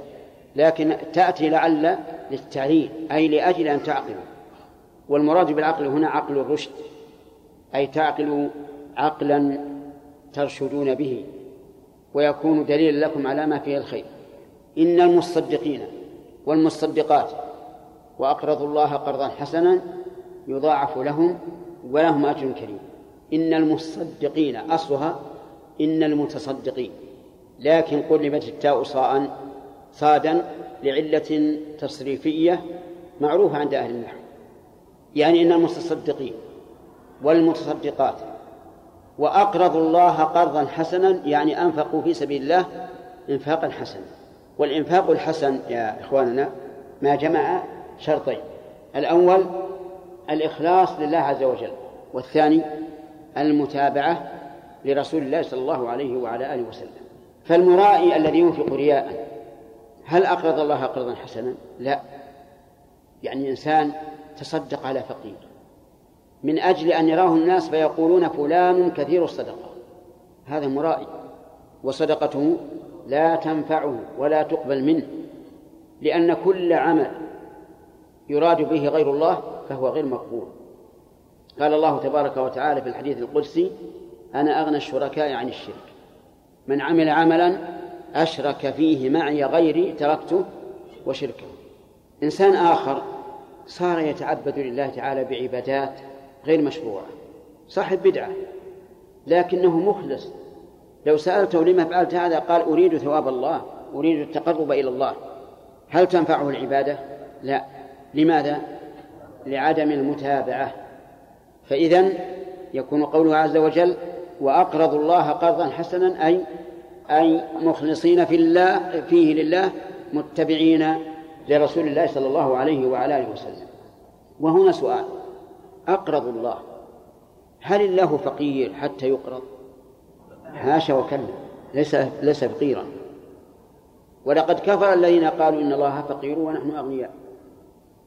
إذا كيف يقول أقرض الله؟ يقول هذا جل وعلا ليبين أن أجرهم مضمون كما أن القرض مضمون ليبين أن أجرهم مضمون. كما أن القرض مضمون. أنا لو لو أقرضت شخصا ألف ريال ثبت في ذمته ولا بد أن يوفيني. كذلك بي جعل الله عز وجل التعبد له بمنزلة القرض أي أنه مضمون سيرد عليه الحسنة بعشر أمثالها إلى سبعمائة ضعف إلى أضعاف كثيرة. لكن كيف تكون واحدة بعشرة وهذا ربا في القرض؟ كيف يكون هذا؟ الجواب أولا لا ربا بين العبد وبين ربه. لا ربا بين العبد وبين ربه. ثانيا القرض إذا أعطاك المقترض شيئا بدون شرط فهو حلال. يعني لو استقرض منك ألف ريال وأعطاك ألف ومائة بدون شرط فهو حلال. لأن النبي صلى الله عليه وعلى آله وسلم استقرض بكرا. البكر يعني بعير صغير.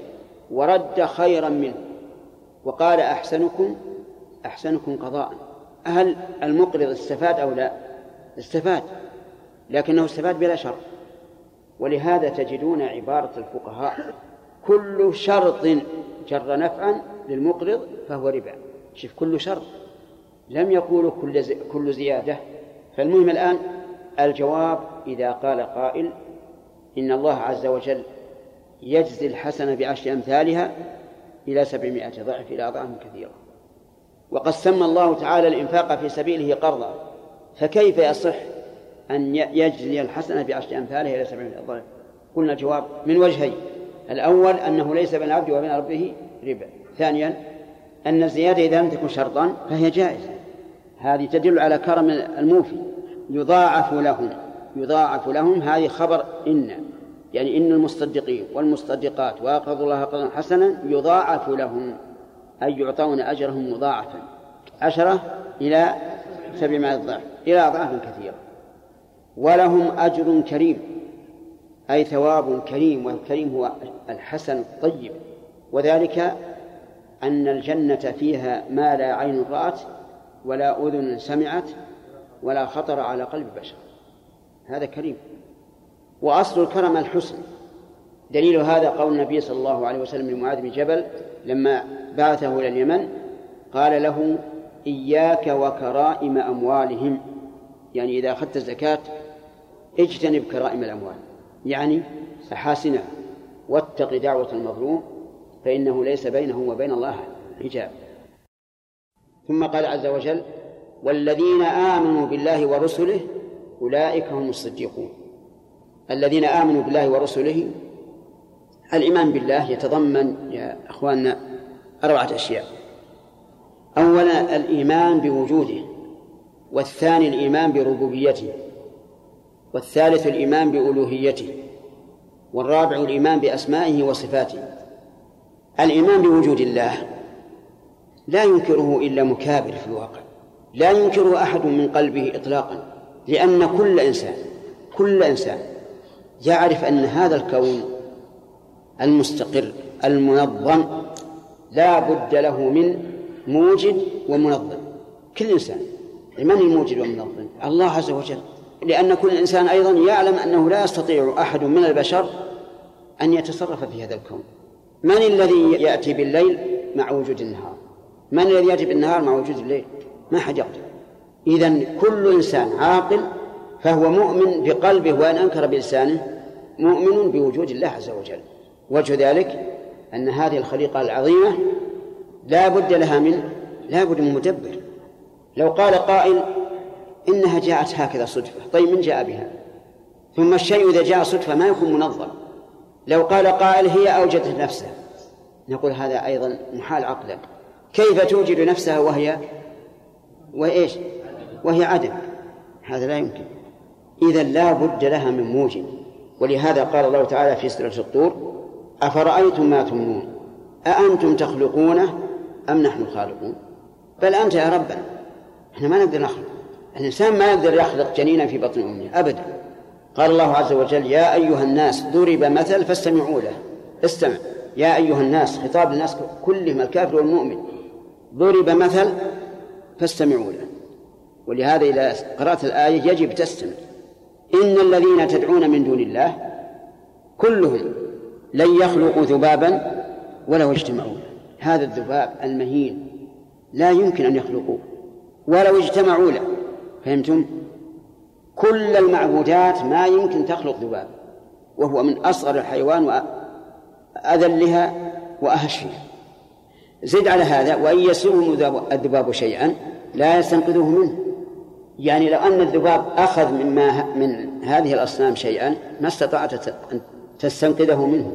قال أهل العلم المعنى لو وقع الذباب على أحد هذه الأصنام وامتص من الطيب الذي فيها لأنهم يطيبون أصنامهم ما استطاعت الأصنام أن تستنقذه. ضعف الطالب والمطلوب. أقول مرة ثانية لا يمكن لأحد أن ينكر من صميم قلبه وجود الله عز وجل. أبدا لأنه باتفاق العقلاء أن كل حادث لا بد له من محدث ولا أحد يحدث هذا الكون إلا الله عز وجل. هذا واحد. الثاني الإيمان بربوبيته أي بأنه وحده الخالق المالك المدبر لجميع الأمور. هو الله وحده. هو الخالق المالك المدبر لجميع الأمور. فلا خالق إلا الله ولا مدبر للكون إلا الله ولا مالك للكون إلا الله عز وجل. حتى ملك الإنسان لما في يده ليس ملكا حقيقيا. الدليل أنه لا يمكن أن يتصرف فيما بيده كما يشاء. الآن هذا قلم هو ملك لي. أليس كذلك؟ لكن ليس لي أن أتصرف فيه كما شئت. لو أردت أن أحرقه أو أكسره منعت. شرعا حرام علي. لأن لأن النبي صلى الله عليه وعلى آله وسلم نهى عن إضاعة المال. إذا ملك الإنسان لما بيده ليس ملكا حقيقيا بل إنه يختص به عن غيره فقط. الثالث أنه وحده المنفرد بتدبير الأمور. ما حد يستطيع أن يدبر الأمور أبدا. ثالث الأصنام حق ولا غير حق؟ غير حق. الأصنام نفسها تسمى آلهة فهل هي إله حق؟ لا. كما قال عز وجل ذلك بأن الله هو الحق وأن ما يدعون من دونه هو الباطل. إذن الألوهية أن تؤمن بأنه لا إله إلا الله أي لا معبود حق إلا الله عز وجل وما عبد من دونه فهو باطل. وعليه فلا تصرف العبادة إلا لله والرابع الإيمان بالأسماء والصفات أسمائه وصفاته. هل لله أسماء؟ نعم. هل له صفات؟ نعم. أسماؤه حسنى. قال الله عز وجل ولله الأسماء الحسنى. صفاته كذلك عليا. ما في صفة نقص. قال الله تعالى للذين لا يؤمنون بالله لا يؤمنون بالآخرة مثل السوء ولله المثل الأعلى أي الوصف الأعلى. إذن علينا أن نؤمن بأسماء الله وأن نؤمن بصفات الله. أسماء الله تعالى كثيرة ما يمكن حصرها. مهما أردت لا يمكن تحصيها. مهما أردت ما يمكن تحصيها. الدليل حديث عبد الله بن مسعود واحفظوه لأنه مفيد أنه ما من إنسان يصيبه هم. أو غم أو حزن ثم يقول اللهم إني عبدك ابن عبدك ابن أمتك ناصيتي بيدك ماض في حكمك عدل في قضاؤك أسألك اللهم بكل اسم هو لك. سميت به نفسك أو أنزلته في كتابك أو علمته أحدا من خلقك أو استأثرت به في علم الغيب عندك. فجعل الله الأسماء ثلاثة أقسام. ما أنزله في كتابه مثل الأخ. مثال الاسم الذي الذي جاء في القرآن. الرحمن أو علمته أحدا من خلقك. مثل الرب الشافي. هذه ما هي في القرآن لكن جاءت في السنة. قال النبي صلى الله عليه وعلى آله وسلم السواك مطهرة للفم مرضاة للرب. وقال عليه الصلاة والسلام أما الركوع فعظموا فيه الرب. هذا أنزله في كتابه أو علمه أحدا من خلقه. الثاني ولا الأول؟ الثاني. طيب. أو استأثرت فيه في علم الغيب عندك هذا الثالث. القسم الثالث ما استأثر الله به في علم الغيب. واستأثر بمعنى انفرد طيب. ما انفرد الله بعلمه فلم ينزله في الكتاب ولم يعلمه أحد من الخلق هل يمكن الإحاطة به؟ لا يمكن. إذن أسماء الله لا يمكن الإحاطة بها ولا محصورة بعدد لأننا لا نعلمها. وأما قوله صلى الله عليه وعلى آله وسلم إن لله تسعة وتسعين أسماء من أحصاها دخل الجنة فالمعنى أن من الأسماء تسعة وتسعين اسما من أحصاها دخل الجنة. هذا المعنى. ومن أحصاها أي عرفها لفظا وعرفها معنى وتعبد لله بمقتضاها. وليس المراد أن تحفظه بس لا لا بد من حفظ اللفظ.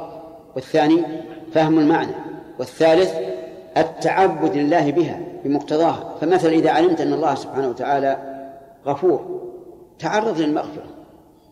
لا تقول الله غفور ويفعل الذنب كل ما شاء. تعرض للمغفرة. استغفر الله تجد الله غفور رحيم. إذا علمت أن الله عزيز تتعبد الله بمقتضى هذا وتخاف منه وتحذر وهل مجرى أما الإيمان بالرسل فإنه يتضمن تصديقهم فيما أخبروا فيما أخبروا كلهم من أولهم إلى آخرهم يجب أن نصدق بما أخبرت به الرسل إذا صح عنهم وأما العمل بشرائعهم فإننا لا نعمل أو لا يلزمنا العمل إلا أي أولا تصديقهم بما أخبروا به لكن بشرط أن يصح عنهم والثاني العمل بالشرائع ولكن هذا لا لا يكون إلا بشريعة محمد صلى الله عليه وعلى آله وسلم لأن شريعته نسخت جميع الشرائع. أولئك هم الصديقون. أولئك أي الذين آمنوا بالله ورسله هم الصديقون أي البالغون في الصدق. مبلغا كبيرا لأن الصديق صيغة مبالغة والصدق يكون بالقصد وبالقول وبالفعل. فأما الصدق بالقصد فأن يقصد الإنسان بعبادته وجه الله تبارك وتعالى. لا يقصد غيره. فمن قصد بعبادته شيئا غير الله فقد أشرك ولا يقبل عمله. لقوله صلى الله عليه وعلى آله وسلم في الحديث القدسي عن الله تبارك وتعالى أنه قال أنا أغنى الشركاء عن الشرك. من عمل عملا أشرك فيه معي غيري تركته وشركه. الثاني القول الصدق في القول بأن يكون الإنسان صادقا فيما يخبر به. وقد أثنى الله تعالى على الصادقين وأمر أن نكون معهم. فقال جل وعلا يا أيها الذين آمنوا اتقوا الله وكونوا مع الصادقين.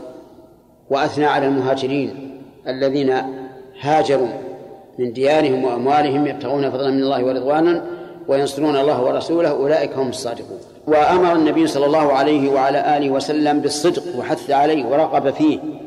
فقال عليكم بالصدق فإن الصدق يهدي إلى البر وإن البر يهدي إلى الجنة ولا يزال الرجل يصدق ويتحرى الصدق حتى يكتب عند الله صديقا.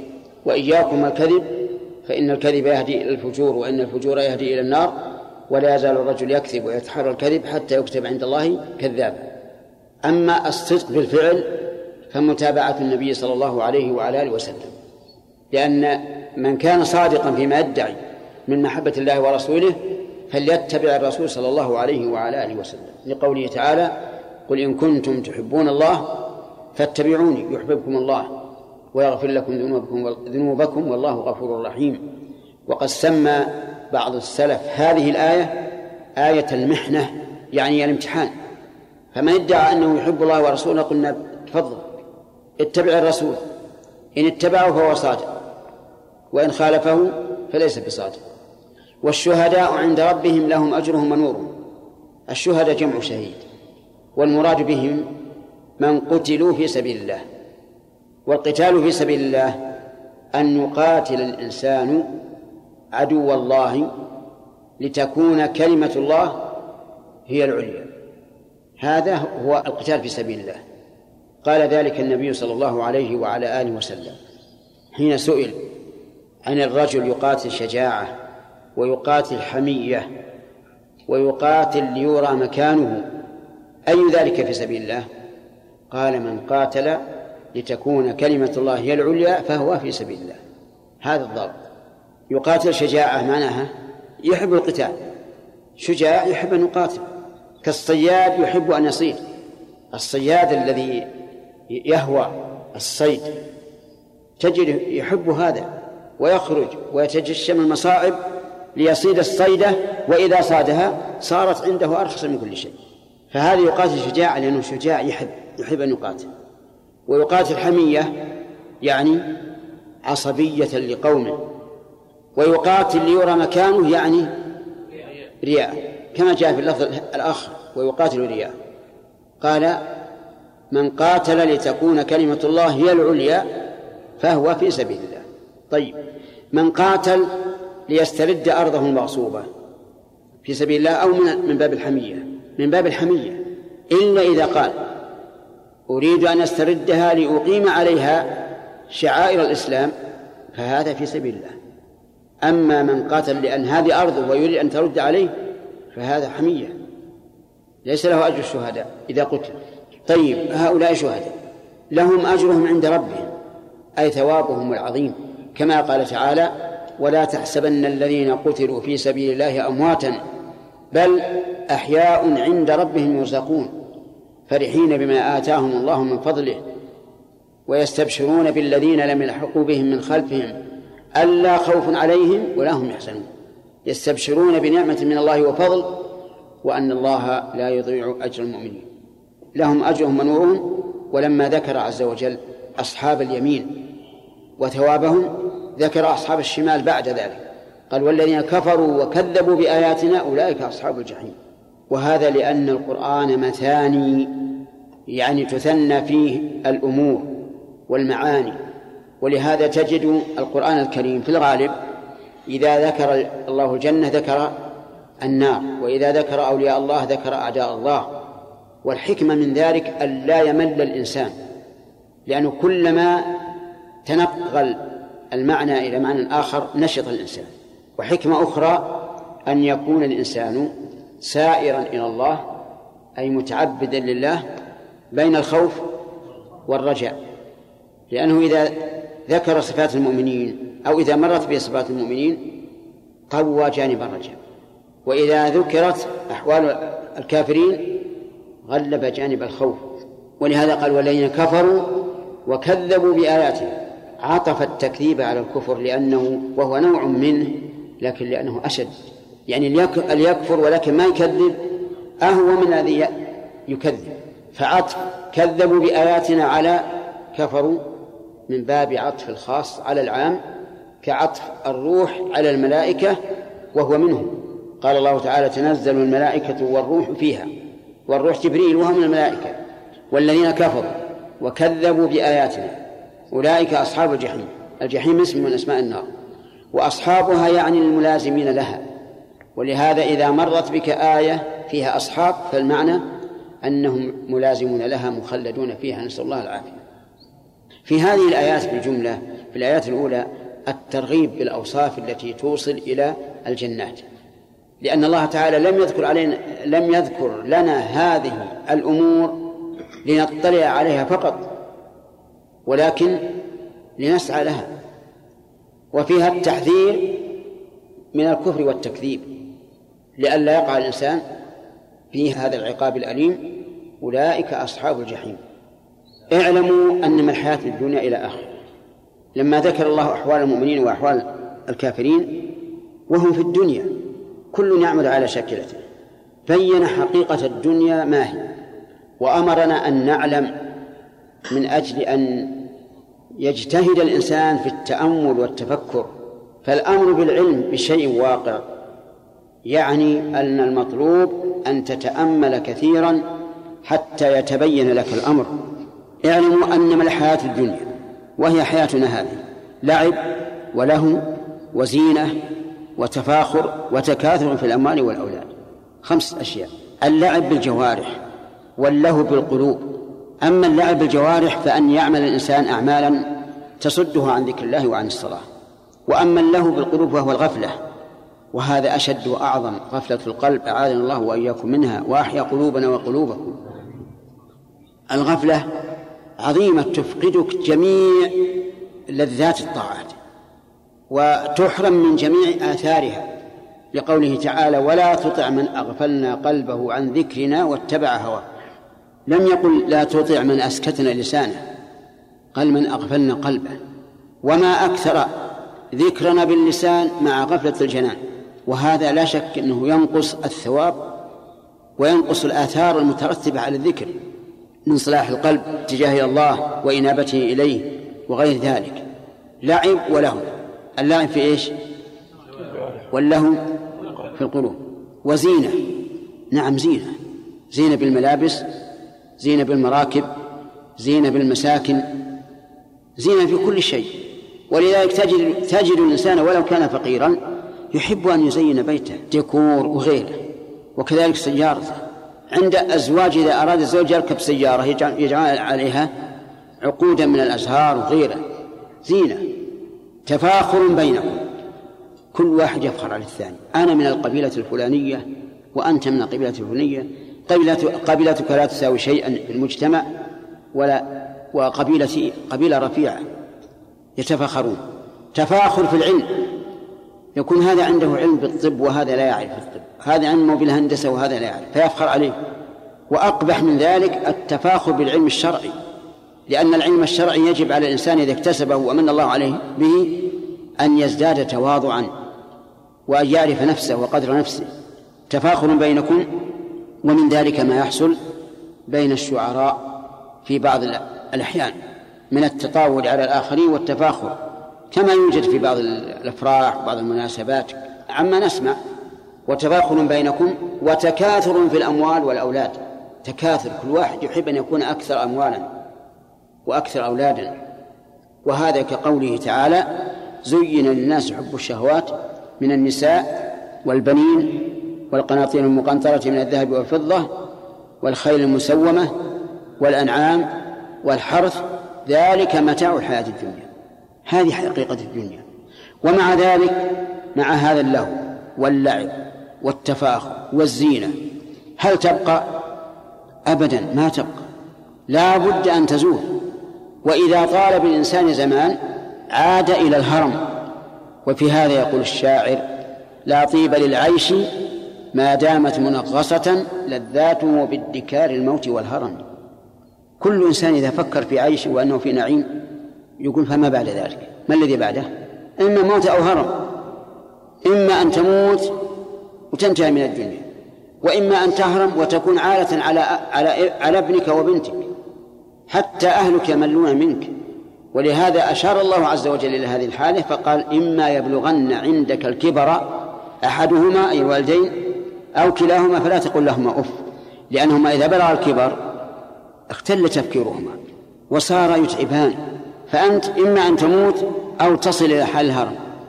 هذا إن بقيت لك الدنيا وإلا فقد تسلب إياه قبل أن تصل إلى الهرم وقبل أن تموت. أفهمتم؟ طيب إذا نأخذ من هذا الحذر من فتنة الدنيا الحذر من فتنة الدنيا وكم من إنسان أطغته حياة الدنيا فهلك. وفي الحديث القدسي إن من عباده من إذا أغنيته أفسده الغنى. بل قد قال النبي صلى الله عليه وعلى آله وسلم والله ما الفقر أخشى عليكم وإنما أخشى عليكم أن تفتح الدنيا عليكم فتنافسوا فيها كما تنافس فيها من قبلكم فتهلككم كما أهلكتهم وصدق الرسول عليه الصلاة والسلام. أكثر الفسقة أكثر الكفرة من من؟ من الملأ والأشراف. اقرأوا القرآن. من يكذب؟ من يكذب الرسل؟ من؟ الملأ والأشراف. اعتبروا بالواقع الآن. أكثر ما يفسد الدنيا هم الأثرياء والأغنياء الذين فتحت عليهم الدنيا. فليحذرها العاقل اللبيب وليقتصر منها على ما ينفعه في الآخرة؟ هذه حقيقة الدنيا. ثم ضرب الله لها مثلا لأن الأمثال تقرب المعاني. إذ أن المثل يعني قياس المعنى على المحسوس. كمثل غيث أعجب الكفار نباته. غيث أي مطر تنبت به الأرض وتزول به الشدة. أعجب الكفار نباته أي النبات الناشئ عنه وأعجبهم أي استحسنوه. والكفار هم الكافرون بالله عز وجل لأن الكافر تعجبه الدنيا ويفرح بها ويسر بها وقلبه متعلق بها. ليس له هم إلا ما يراه من زينتها ولهوها. فهو قد أعجب الكفار أي الكفار بالله نباته أي نبات هذا الغيث. ولماذا خص الكفار؟ قلت لكم لأن الكفار هم الذين يستحسنون الدنيا ويعجبون منها وتتعلق قلوبهم بها. أما المؤمنون فهم على العكس لا يهمهم إلا ما فيه مصلحة الآخرة. وقيل إن المراد بالكفار هنا الزراع ولكن هذا ليس بصحيح لأن إطلاق الكفار على الزراع نادر جدا. هذا إن صح والذين يقولون إن المراد بهم الزراع يقولون لأن الكافر يكفر الحب أي يسره في الأرض يحرث الأرض عليه لأجل أن يخرج. ولكن ما قررناه أولا هو الصواب. أن المراد بالكفار ها؟ الكفار بالله. يعجب الكفار النبات. ثم بعد ما يظهر ويعجب الكفار ويستحسنونه ويتعجبون منه يهيج أي ييبس ويجف فتراه مصفرا بعد أن كان أخضر ناميا يكون مصفرا ذائبا ثم يكون حطاما يعني يتحطم ويتكسر لأنه يبس. فماذا كانت النتيجة لهذا الزرع؟ التلف والزوال.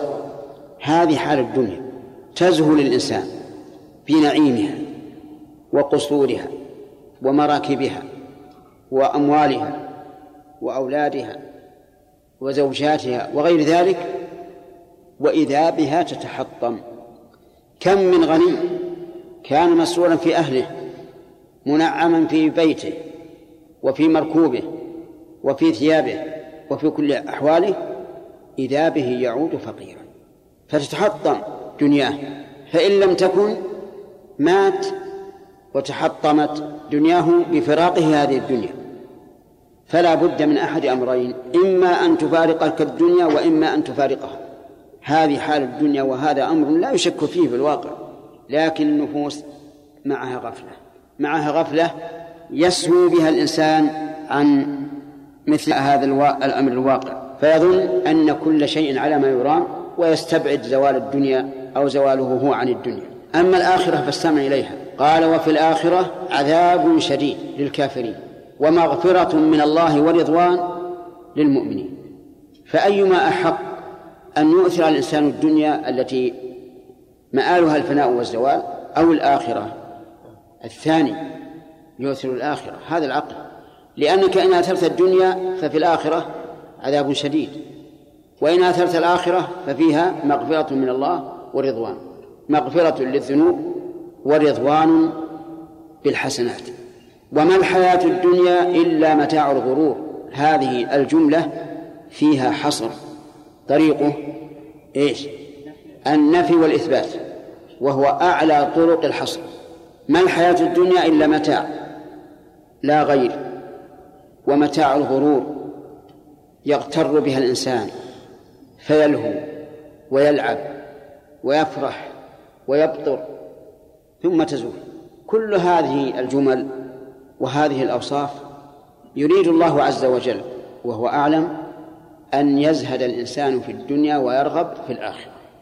وإني سائلكم من زهد, زهد في الدنيا ورغب في الآخرة هل يفوته شيء من نعيم الدنيا؟ الجواب لا لا يفوت حتى وإن افتقر فإنه لا يفوته نعيم الدنيا. دليل هذا من القرآن والسنة. قال الله عز وجل من عمل صالحا من ذكر أو أنثى وهو مؤمن فلنحيينه حياة طيبة. لم يقل لنكثرن ماله وأولاده وقصوره. لنحيينه حياة طيبة. مطمئنة مستريح البال فيها.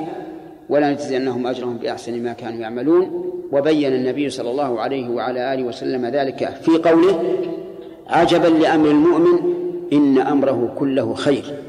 وليس ذلك لأحد إلا للمؤمن. إن أصابته ضراء صبر فكان خيرا له وإن أصابته سراء شكر فكان خيرا له. ثم قال عز وجل سابقوا إلى مغفرة من ربكم سابق أمر بالمسابقة وقد جاء الأمر في آية أخرى بالمسارعة فيجمع الإنسان بين المسابقة وهي شدة العدو في حال السير وبين المسارعة وهي المبادرة إلى فعل الخير. إلى مغفرة من ربكم. وذلك بفعل أسباب المغفرة. من أسباب المغفرة أن تسأل الله المغفرة. تقول اللهم اغفر لي أو تقول أستغفر الله وأتوب إليه. ومن أسباب المغفرة فعل ما تكون به المغفرة. كقول النبي صلى الله عليه وسلم من صام رمضان إيمانا واحتسابا غفر الله له ما تقدم من ذنبه. وكقول النبي صلى الله عليه وعلى آله وسلم في من توضأ فأسبغ الوضوء ثم صلى ركعتين لا يحدث بهما نفسه غفر الله له ما تقدم من ذنبه وكقوله صلى الله عليه وسلم من قال سبحان الله بحمده مئة مرة غفرت خطاياه وإن كانت مثل زبد البحر. والأمثلة على هذا كثيرة. المهم أن المسابقة إلى المغفرة يعني عجيب يعني ما تحصل به المغفرة من طلب المغفرة مباشرة. كقولك اللهم اغفر لي. أو فعل ما تحصل به المغفرة مثل صيام رمضان إيمانا واحتسابا. من صام رمضان إيمانا واحتسابا غفر الله له ما تقدم من ذنبه. الصدقة أيضا تطفئ الخطيئة كما يطفئ الماء النار. وجنة عرضها. الجنة هي دار النعيم التي أعدها الله عز وجل للمتقين. فيها ما لا عين رأت ولا أذن سمعت ولا خطر على قلب بشر. فيها فاكهة.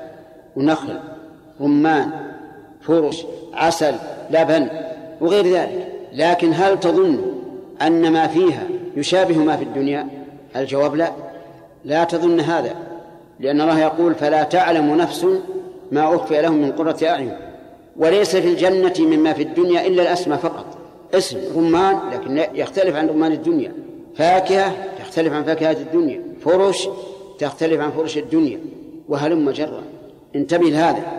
لا تظن أن ما ذكر في الجنة من الأسماء توافق مسمياته ما في الدنيا. هذا لا يمكن لما سمعت من الآية. فلا تعلم نفس ما أخفي لهم من قرة أعين. وفي الحديث القدسي أعددت لعباد الصالحين ما لا عين رأت ولا أذن سمعت ولا خطر على قلب بشر. جنة عرضها كعرض السماء والأرض. وفي سورة آل عمران عرضها السماوات والأرض. ولا منافاة لأن الأول عرضها كعرض السماء تشبيه والثاني عرضها السماوات والأرض أيضا تشبيه لكن يسميه أهل البلاغة تشبيه بليغ كعرض السماء والأرض. من يستطيع أن يقدر عرض السماء والأرض؟ لا أحد يستطيع. السماوات بسعتها السماء الدنيا واسعة جدا. كم بينها وبين الأرض من مسافة؟ وهي محيطة بها. السماء الثانية فوقها وهي أوسع منها والثالثة أوسع وهلم جرا إلى أن تصل إلى الكرسي الكرسي يقول النبي عليه الصلاة والسلام ما السماوات السبع والأرضين السبع في الكرسي إلا كحلقة ألقيت في فلاة من الأرض. حلقة حلقة المغفر ما هي حلقة الباب الكبيرة؟ حلقة الدرع صغيرة جدا. ألقها في فلاة من الأرض. ماذا تكون بالنسبة للفلاة لا شيء. قال النبي صلى الله عليه وعلى آله وسلم وإن فضل العرش على الكرسي كفضل الفلاة على هذه الحلقة. فمن يستطيع أن يدرك عرض السماوات والأرض؟ لا أحد يستطيع. الجنة عرضها كعرض السماء والأرض. ولذلك كان أقل أهل الجنة منزلة من ينظر إلى ملكه مسافة ألفين سنة. ينظر أقصاه كما ينظر أدناه. وإنما ذكر الله تعالى أن عرضها عرض السماوات والأرض من أجل أن نحرص على ملء هذه الأرض أرض الجنة. وفي الحديث أن إبراهيم عليه الصلاة والسلام قال للنبي صلى الله عليه وعلى آله وسلم أقرئ أمتك مني السلام وأخبرهم أن الجنة قيعان وأن غراسها سبحان الله والحمد لله ولا إله إلا الله والله أكبر. فاحرص يا أخي على أن تملأ. ما تستحقه من هذه الجنة بذكر الله وتلاوة كتابه وغير ذلك مما يقرب إلى الله. لمن هذه الجنة التي عرضها السماء كعرض السماء والأرض؟ قال الله عز وجل أعدت للذين آمنوا بالله ورسله. أعدت من أعدها الله؟ من أعدها؟ أعدها الله عز وجل. كما قال عز وجل أعد الله لهم جنات تجري من تحتها الأنهار. ومعنى الإعداد التهيئة للشيء للذين آمنوا بالله ورسله. آمنوا بالله وكل ما أوجب الله الإيمان به. فالإيمان إذن بالله ملائكته كتبه رسله اليوم الآخر القدر خير وشره. وقوله ورسله يشمل جميع الرسل الذين أولهم نوح وآخرهم محمد. لكن إيماننا بالرسل يختلف عن إيماننا بمحمد عليه الصلاة والسلام. إيماننا بالرسل أن نؤمن بأنهم صادقون مبلغون عن الله ونؤمن بما بكل ما صح من أخبارهم. أما اتباعهم فلا. الاتباع للنبي صلى الله عليه وعلى آله وسلم. فهم يشتركون يشتركون مع الرسول بأن نؤمن بأنهم صادقون وأن كل ما أخبروا به صدق وأن كل ما جاءوا به فهو عدل ومناسب لأحوال أممهم في وقتهم. أما الاتباع فلا نتبع إلا واحدا منهم وهو محمد صلى الله عليه وسلم. وقول آمنوا بالله ورسله يدل على أنكم على أن أهل الكتاب اليهود والنصارى ليسوا من أهل الجنة لأنهم لم يؤمنوا برسل الله لم يؤمنوا برسل الله. الدليل أنهم كفروا بمحمد عليه الصلاة والسلام والكافر برسول من الرسل كافر بالجميع. كيف وقد جاء محمد صلى الله عليه وعلى آله وسلم بنسخ جميع الشرائع السابقة؟ ألم تسمعوا قول الله عز وجل كذبت قوم نوح المرسلين؟ عجيب طيب. هل سبق نوحا أحد من الرسل؟ كيف يقول كي كذبت قوم نوح المرسلين؟ أحمد القرآن موجود. كيف يقول كذبت قوم نوح المرسلين؟ الجواب لأن من كذب رسولا من الرسل فقد كذب جميع الرسل. فكيف بمن كذب محمد صلى الله عليه وعلى آله وسلم الذي نسخت شريعته جميع الشرائع والذي قال الله فيه وإذا أخذ الله ميثاق النبيين لما آتيتكم من كتاب وحكمة ثم جاءكم رسول مصدق لما معكم لتؤمنن به ولتنصرنه. أخذ ميثاق النبيين كلهم كلهم ميثاق النبيين كلهم. لما آتيتكم من كتاب وحكمة ثم جاءكم رسول مصدق لما معكم لتؤمنن به ولتنصرنه. قال أقررتم وأخذتم على ذلك مصري؟ قالوا أقررنا. من هذا الرسول؟ أجيبوا يا أمة محمد. محمد صلى الله عليه وسلم. الرسل كلهم لازم يؤمنون بالرسول عليه الصلاة والسلام. ولهذا في ليلة الإسراء من كان الإمام؟ كان إمامهم في صلاتهم محمد صلى الله عليه وعلى آله وسلم. إذن اليهود والنصارى ليسوا من أهل الجنة بعد بعثة الرسول صلى الله عليه وسلم. لماذا؟ لم يؤمنوا برسله لأنهم كفروا بمحمد. بل هم كفروا برسلهم أيضا لقوله تعالى كذبت قوم نوح المرسلين ولأن عيسى بن مريم عليه الصلاة والسلام بشرهم بمحمد في سورة الصف. وإذ قال عيسى بن مريم يا بني إسرائيل إني رسول الله إليكم مصدقا لما بين يدي من التوراة ومبشرا برسول يأتي من بعدي اسمه أحمد. فلما جاءهم هذا الرسول الذي بشر به عيسى قالوا هذا سحر مبين وكفروا به. إذن هم كفروا بعيسى وردوا بشارته وأنكروها. ولا يجوز لنا أبدا أن نقول إن أديان اليهود والنصارى اليوم أديان صحيحة أبدا بل هي أديان باطلة غير مقبولة عند الله. كما قال عز وجل ومن يبتغي غير الإسلام دينا فلن فلن يقبل منه أوجف إلى الآية قال الله عز وجل أعدت الذين آمنوا بالله ورسله ذلك فضل الله يؤتيه من يشاء. ذلك أي ما أعد الله لهؤلاء المؤمنين بالله ورسله فضل الله. فضل الله في أنهم آمنوا بالله آمنوا برسله اتبعوا الرسول صلى الله عليه وعلى آله وسلم أثيبوا بهذه الجنات. فضل الله يؤتيه من يشاء. اللهم آتنا من فضلك. يؤتيه من يشاء. والله ذو الفضل العظيم. قوله يؤتيه من يشاء هل هل تظنون أن هذه المشيئة مجرد مشيئة؟ لا هي مشيئة مقترنة بالحكمة. يعني من كان أهلا للفضل آتاه الله الفضل ومن لم يكن أهلا له لم يؤته. الدليل قول الله تبارك وتعالى الله أعلم حيث يجعل رسالته. فلن يجعل رسالته إلا في من هو أهل الله وقال الله عز وجل فلما زاغوا أزاغ الله قلوبهم.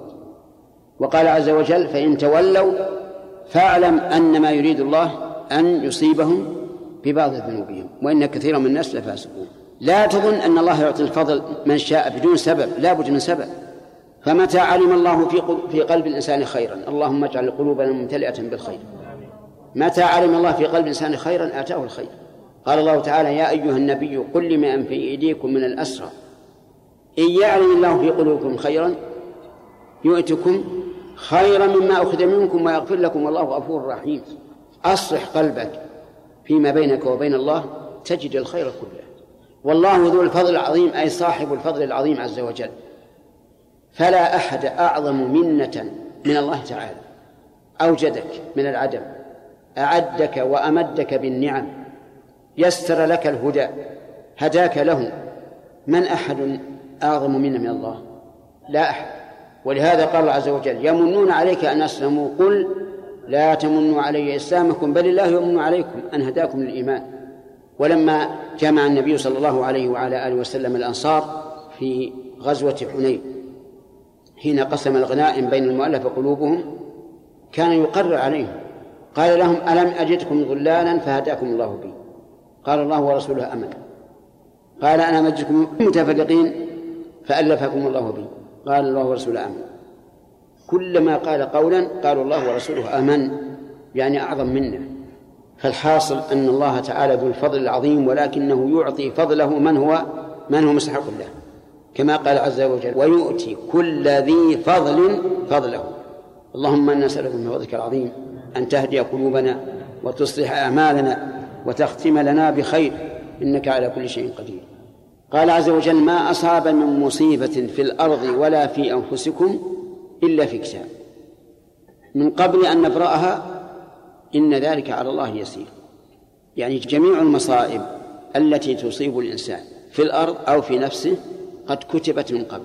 المصيبة في الأرض كالجد قلة المطار الأمطار غور المياه وصعوبة منالها. وربما يقال أيضا الفتن والحروب وغيرها. ولا في أنفسكم أي في نفس الإنسان ذاته من مرض أو فقد حبيب أو فقد مال أو نحو ذلك حتى الشوكة يشاكها إلا في كتاب. وهذا الكتاب هو اللوح المحفوظ كتب الله فيه مقادير كل شيء. لما خلق سبحانه وتعالى القلم قال له اكتب. قال ربي وماذا أكتب؟ قال اكتب ما هو كائن إلى يوم القيامة. فكتب ما هو كائن إلى يوم القيامة. سبحان الله ما أعظم هذا اللوح الذي يسع كل شيء إلى يوم القيامة. ولكن ليس هذا بغريب على قدرة الله عز وجل لأن أمر الله تعالى إذا أراد شيئا أن يقول له كن فيكون ولقد كان الإنسان يتعجب من قبل ولا يستبعد يتعجب ولكن لا يستبعد أن يكتب في هذا اللوح مقادير كل شيء ظهر الآن من صنع الآدمي قطعة صغيرة يسجل فيها آلاف الكلمات أليس كذلك؟ وش تسمى؟ ليزر ما هو الليزر؟ تكس. زين المهم على كل حال تعرفونها الآن هي عبارة عن لوحة صغيرة كالقرص تسجل فيها آلاف الكلمات. قد يسجل فيها جميع كتب الحديث المؤلف أو جميع التفاسير أو جميع كتب الفقهاء. وهي من صنع الآدم. فكيف بصنع من يقول للشيء كن فيكون؟ لما قال اكتب ما هو كائن إلى يوم القيامة كتب ما هو كائن إلى يوم القيامة. فالمصائب التي تصيب الناس. هل هي في أمر سابق أو هي مستأنفة؟ الجواب الأول ولهذا قال إلا في كتاب من قبل أن نبرأها. ها في قوله نبرأها قيل إنها تعود على مصيبة وقيل على الأرض وقيل على الأنفس وقيل على الجميع والصحيح أنها على الجميع. أي من قبل أن نبرأ كل هذه الأشياء أي أن نخلقها. وذلك أن الله كتب مقادير كل شيء قبل أن يخلق السماوات والأرض بخمسين ألف سنة. خمسين ألف سنة. مدة طويلة. وهذا مكتوب. إذا من قبل أن نبرأها الضمير يعود على إيش؟ أن نبرأ الأرض؟ أن نبرأ المصيبة؟ أن نبرأ الأنفس؟ أن نبرأ الجميع. نعم؟ الجميع الجميع. طيب. ونبرأها يعني نخلقها. بكم مدة؟ خمسين ألف سنة. قبل أن يخلق الله السماوات والأرض بخمسين ألف سنة. إن ذلك على الله يسير. يعني إن كتابة هذه المصائب يسير على الله عز وجل. كيف يسره لأنه قال اكتب للقلم فكتب. وهذا يسير أو صعب؟ يسير. كلمة واحدة حصل بها كل شيء. إن ذلك على الله يسير. كل شيء فهو يسير على الله. لأن الأمر كلمة واحدة كن فيكون. أرأيتم الخلائق يوم القيامة؟ تبعث بكم كلمة؟ قولوا يا جماعة. كلمة واحدة. قال الله عز وجل إن كانت إلا صيحة واحدة فإذا هم جميع لجان محضرون وقال عز وجل فإنما هي زجرة واحدة فإذا هم بالساهرة على وجه الأرض خرجوا من القبور. هذا يسير يا أخي يسير والله. ولما قال زكريا لله عز وجل حين بشره بالولد قال رب إني وهن العظم مني واشتعل الرأس شيبا يعني من الكبر وقد بلغت من الكبر عتيا. قال الله عز وجل كذلك قال ربك هو علي هين وقد خلقتك من قبل ولم تك شيئا فأنا أوجدتك من قبل قبل أن تكون فبقدرتي أن يكون لك ولد بعد المدة الطويلة. فالله عز وجل لا يعجزه شيء ولا يستعصي عنه شيء ولا يتأخر عن أمره الكوني شيء. إن ذلك على الله يسير لكي لا تأسوا على ما فاتكم. يعني أخبرناكم بهذا أن كل مصيبة تقع فهو في فهم في كتاب كي لا تأسوا. اللام هنا للتعليل وكي بمعنى أن أي لأن لا تأسوا. ومعنى تأسوا تندموا على ما فاتكم. مما تحبون. ولا تفرحوا بما آتاكم. أي لا تفرحوا فرح بطر واستغناء عن الله بما آتاكم من فضله. انتبه. إذا علمت أن الشيء مكتوب من قبل فهل تندم على ما فات؟ ليش؟ لأنه مكتوب والمكتوب لا بد أن يقع. هل تفرح فرح بطر واستغناء إذا آتاك الله الفضل؟ لا لأنه من الله مكتوب من قبل. فكن متوسطا. لا تندم على ما مضى ولا تفرح فرح بطر واستغناء بما آتاك الله من فضله لأنه من الله. وفي الحديث الصحيح عن النبي صلى الله عليه وعلى آله وسلم أنه قال المؤمن القوي خير وأحب إلى الله من المؤمن الضعيف. القوي في إيش؟ في إيمانه. وليس القوي في بدنه.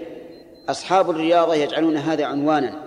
المؤمن القوي خير وأحب إلى الله من المؤمن الضعيف ويقول المراد المؤمن القوي في بدنه وهذا غلط. المؤمن القوي القوي هنا وصف يعود على ما سبق وهو الإيمان.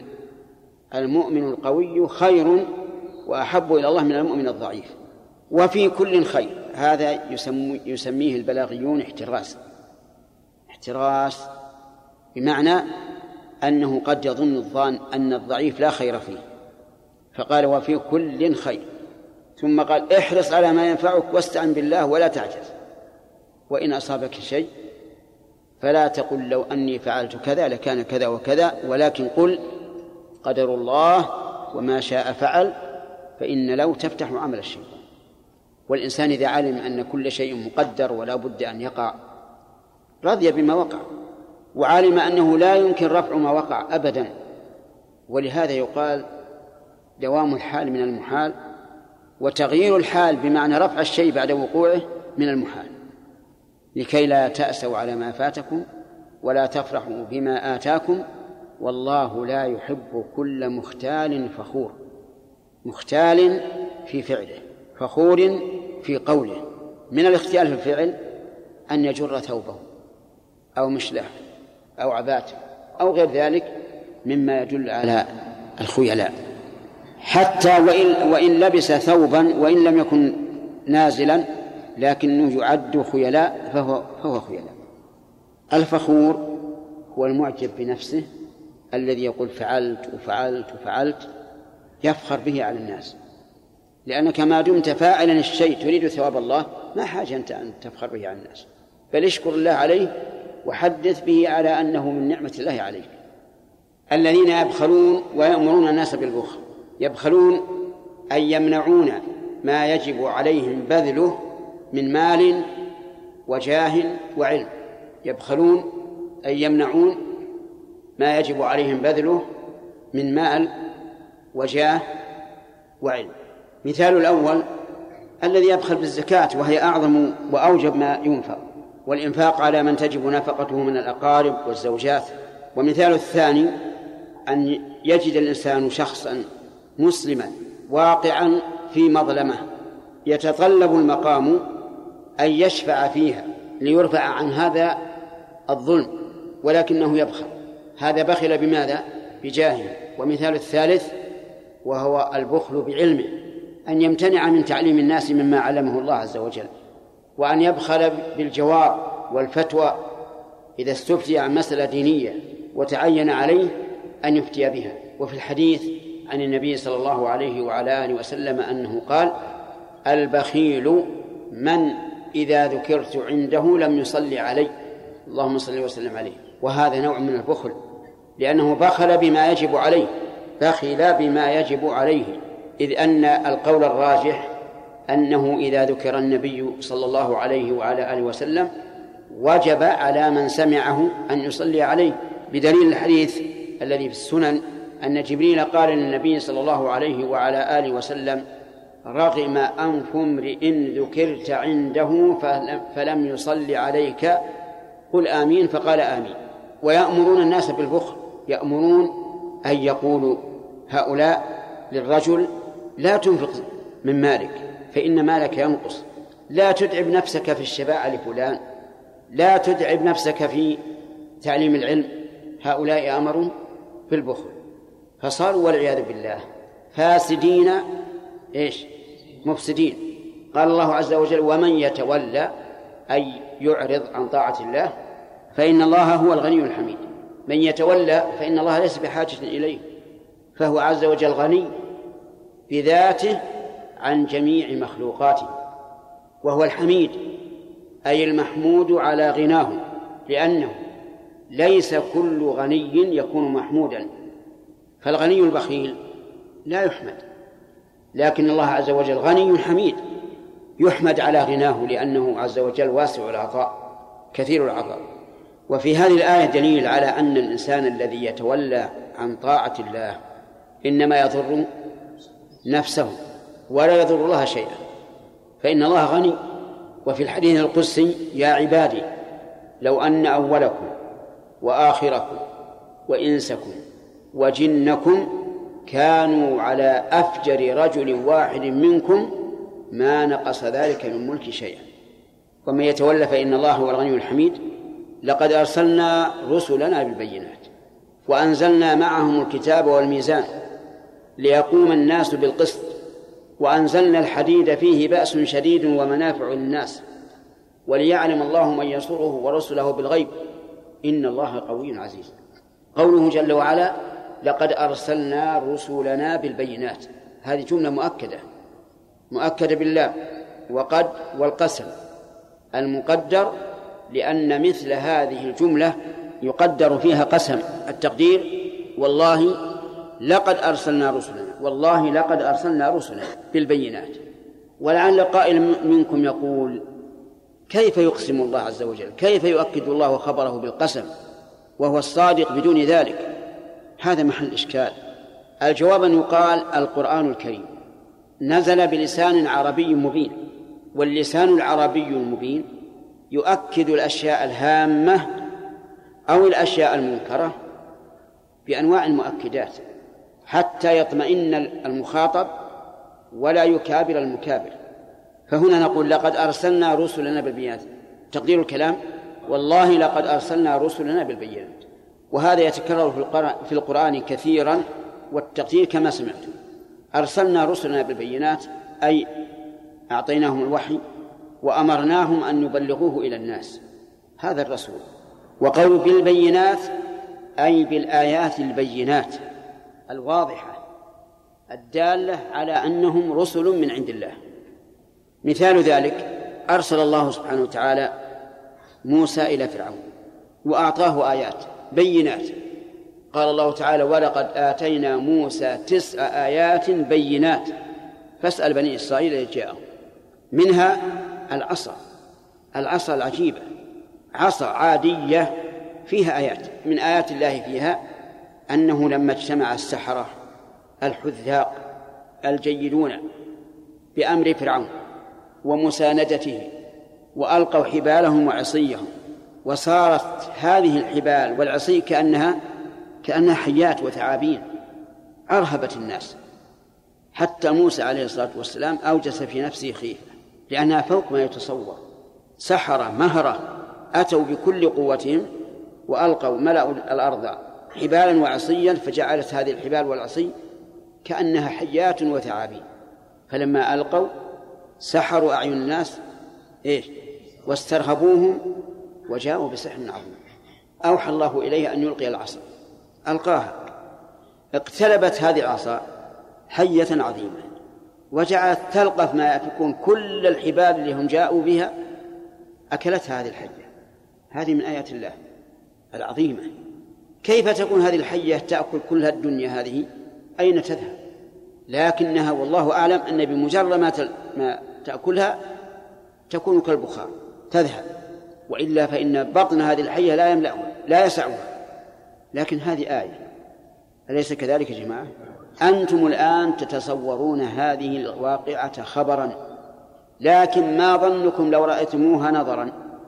كان الأمر أشد وأعظم. نحن الآن لا نتصورها إلا إلا في الخبر وفي الذهن فقط. لكن لو لو تشاهد الموضوع عرفت أنها آية عظيمة. الآية الثانية في هذه العصر أن موسى استسقاه قومه طلبوا منه الماء فضرب حجرا حجرا من الأحجار فتفجر عيونا اثنتا عشرة عينا. الماء ينبع من هذا الحجر الذي ضرب به العصا؟ لأن بني إسرائيل كانوا اثني عشر نقيبا أليس هذا آية؟ بلى. حجر أصم تنبع منه العيون بدون حفار وبدون أي شيء. آية من آيات الله. الآية الثالثة أن موسى عليه الصلاة والسلام لما أدركه فرعون وحشره إلى البحر أيقن أصحاب موسى أنهم هالكون وقالوا إنا لمدركون. ما لنا ما لنا مفر البحر أمامنا. إن خذناه غرقنا. وفرعون وجنوده خلفنا. سيقضون علينا. قال أصحاب موسى إنا لمدركون. ولكن انظر إلى الإيمان واليقين. قال كلا لن ندرك. إن معي ربي سيهدين أي سيدلني على ما فيه النجاة. فأحى الله إليه أن نضرب بعصاك البحر فانفلق. ضرب البحر مرة واحدة بالعصا انفلق.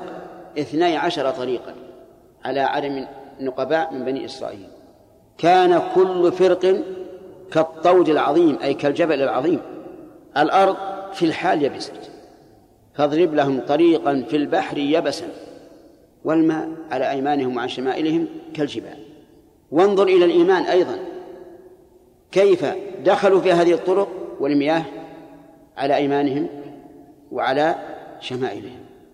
لكن الإيمان لأنهم عرفوا أنهم ناجون ولا بد. هذه من آيات الله عز وجل. عيسى بن مريم عليه الصلاة والسلام أعطاه الله تعالى آيات بينات. كان يبرئ الأكمة والأبرص بإذن الله. وهذان الداءان لا حيلة للأطباء فيهما إلى الآن. اللهم إلا الأكمة ربما. طيب. كان يحيي الموتى بإذن الله. يقول للجنازة أمام الناس إحيي فتحيا بإذن الله. كان يخرج الموتى من قبورهم. يقف على القبر ويأمر صاحب القبر أن يخرج ويخرج حيا. من يستطيع هذا؟ إلا الله عز وجل جعل الله آية لهذا النبي. كان يخلق من الطين. من الطين كهيئة الطير. فينفخه فيطير. يطير. قال الله عز وجل فيكون طيرا بإذن الله وفي قراءة ثانية يكون طائرا. وإذا جمعت بين بين القراءتين صار المعنى صار طيرا بإذن الله يطير لأنه ما كل طير يطير. النعامة لها جناح ولكن ما تطير. لكن يكون طيرا يطير يشاهد في الجو وهو خلقه من من طين. من يقدر على هذا؟ بعث بعد الموت وإيجاد من العدم. هذا لا يقدر عليه إلا الله. جعله الله آية لعيسى. فإن قال قائل لماذا خص الله موسى بالعصا؟ وخص عيسى بهذه بإحياء الموتى وخلق الطيور. قال أهل العلم إن الله عز وجل حكيم.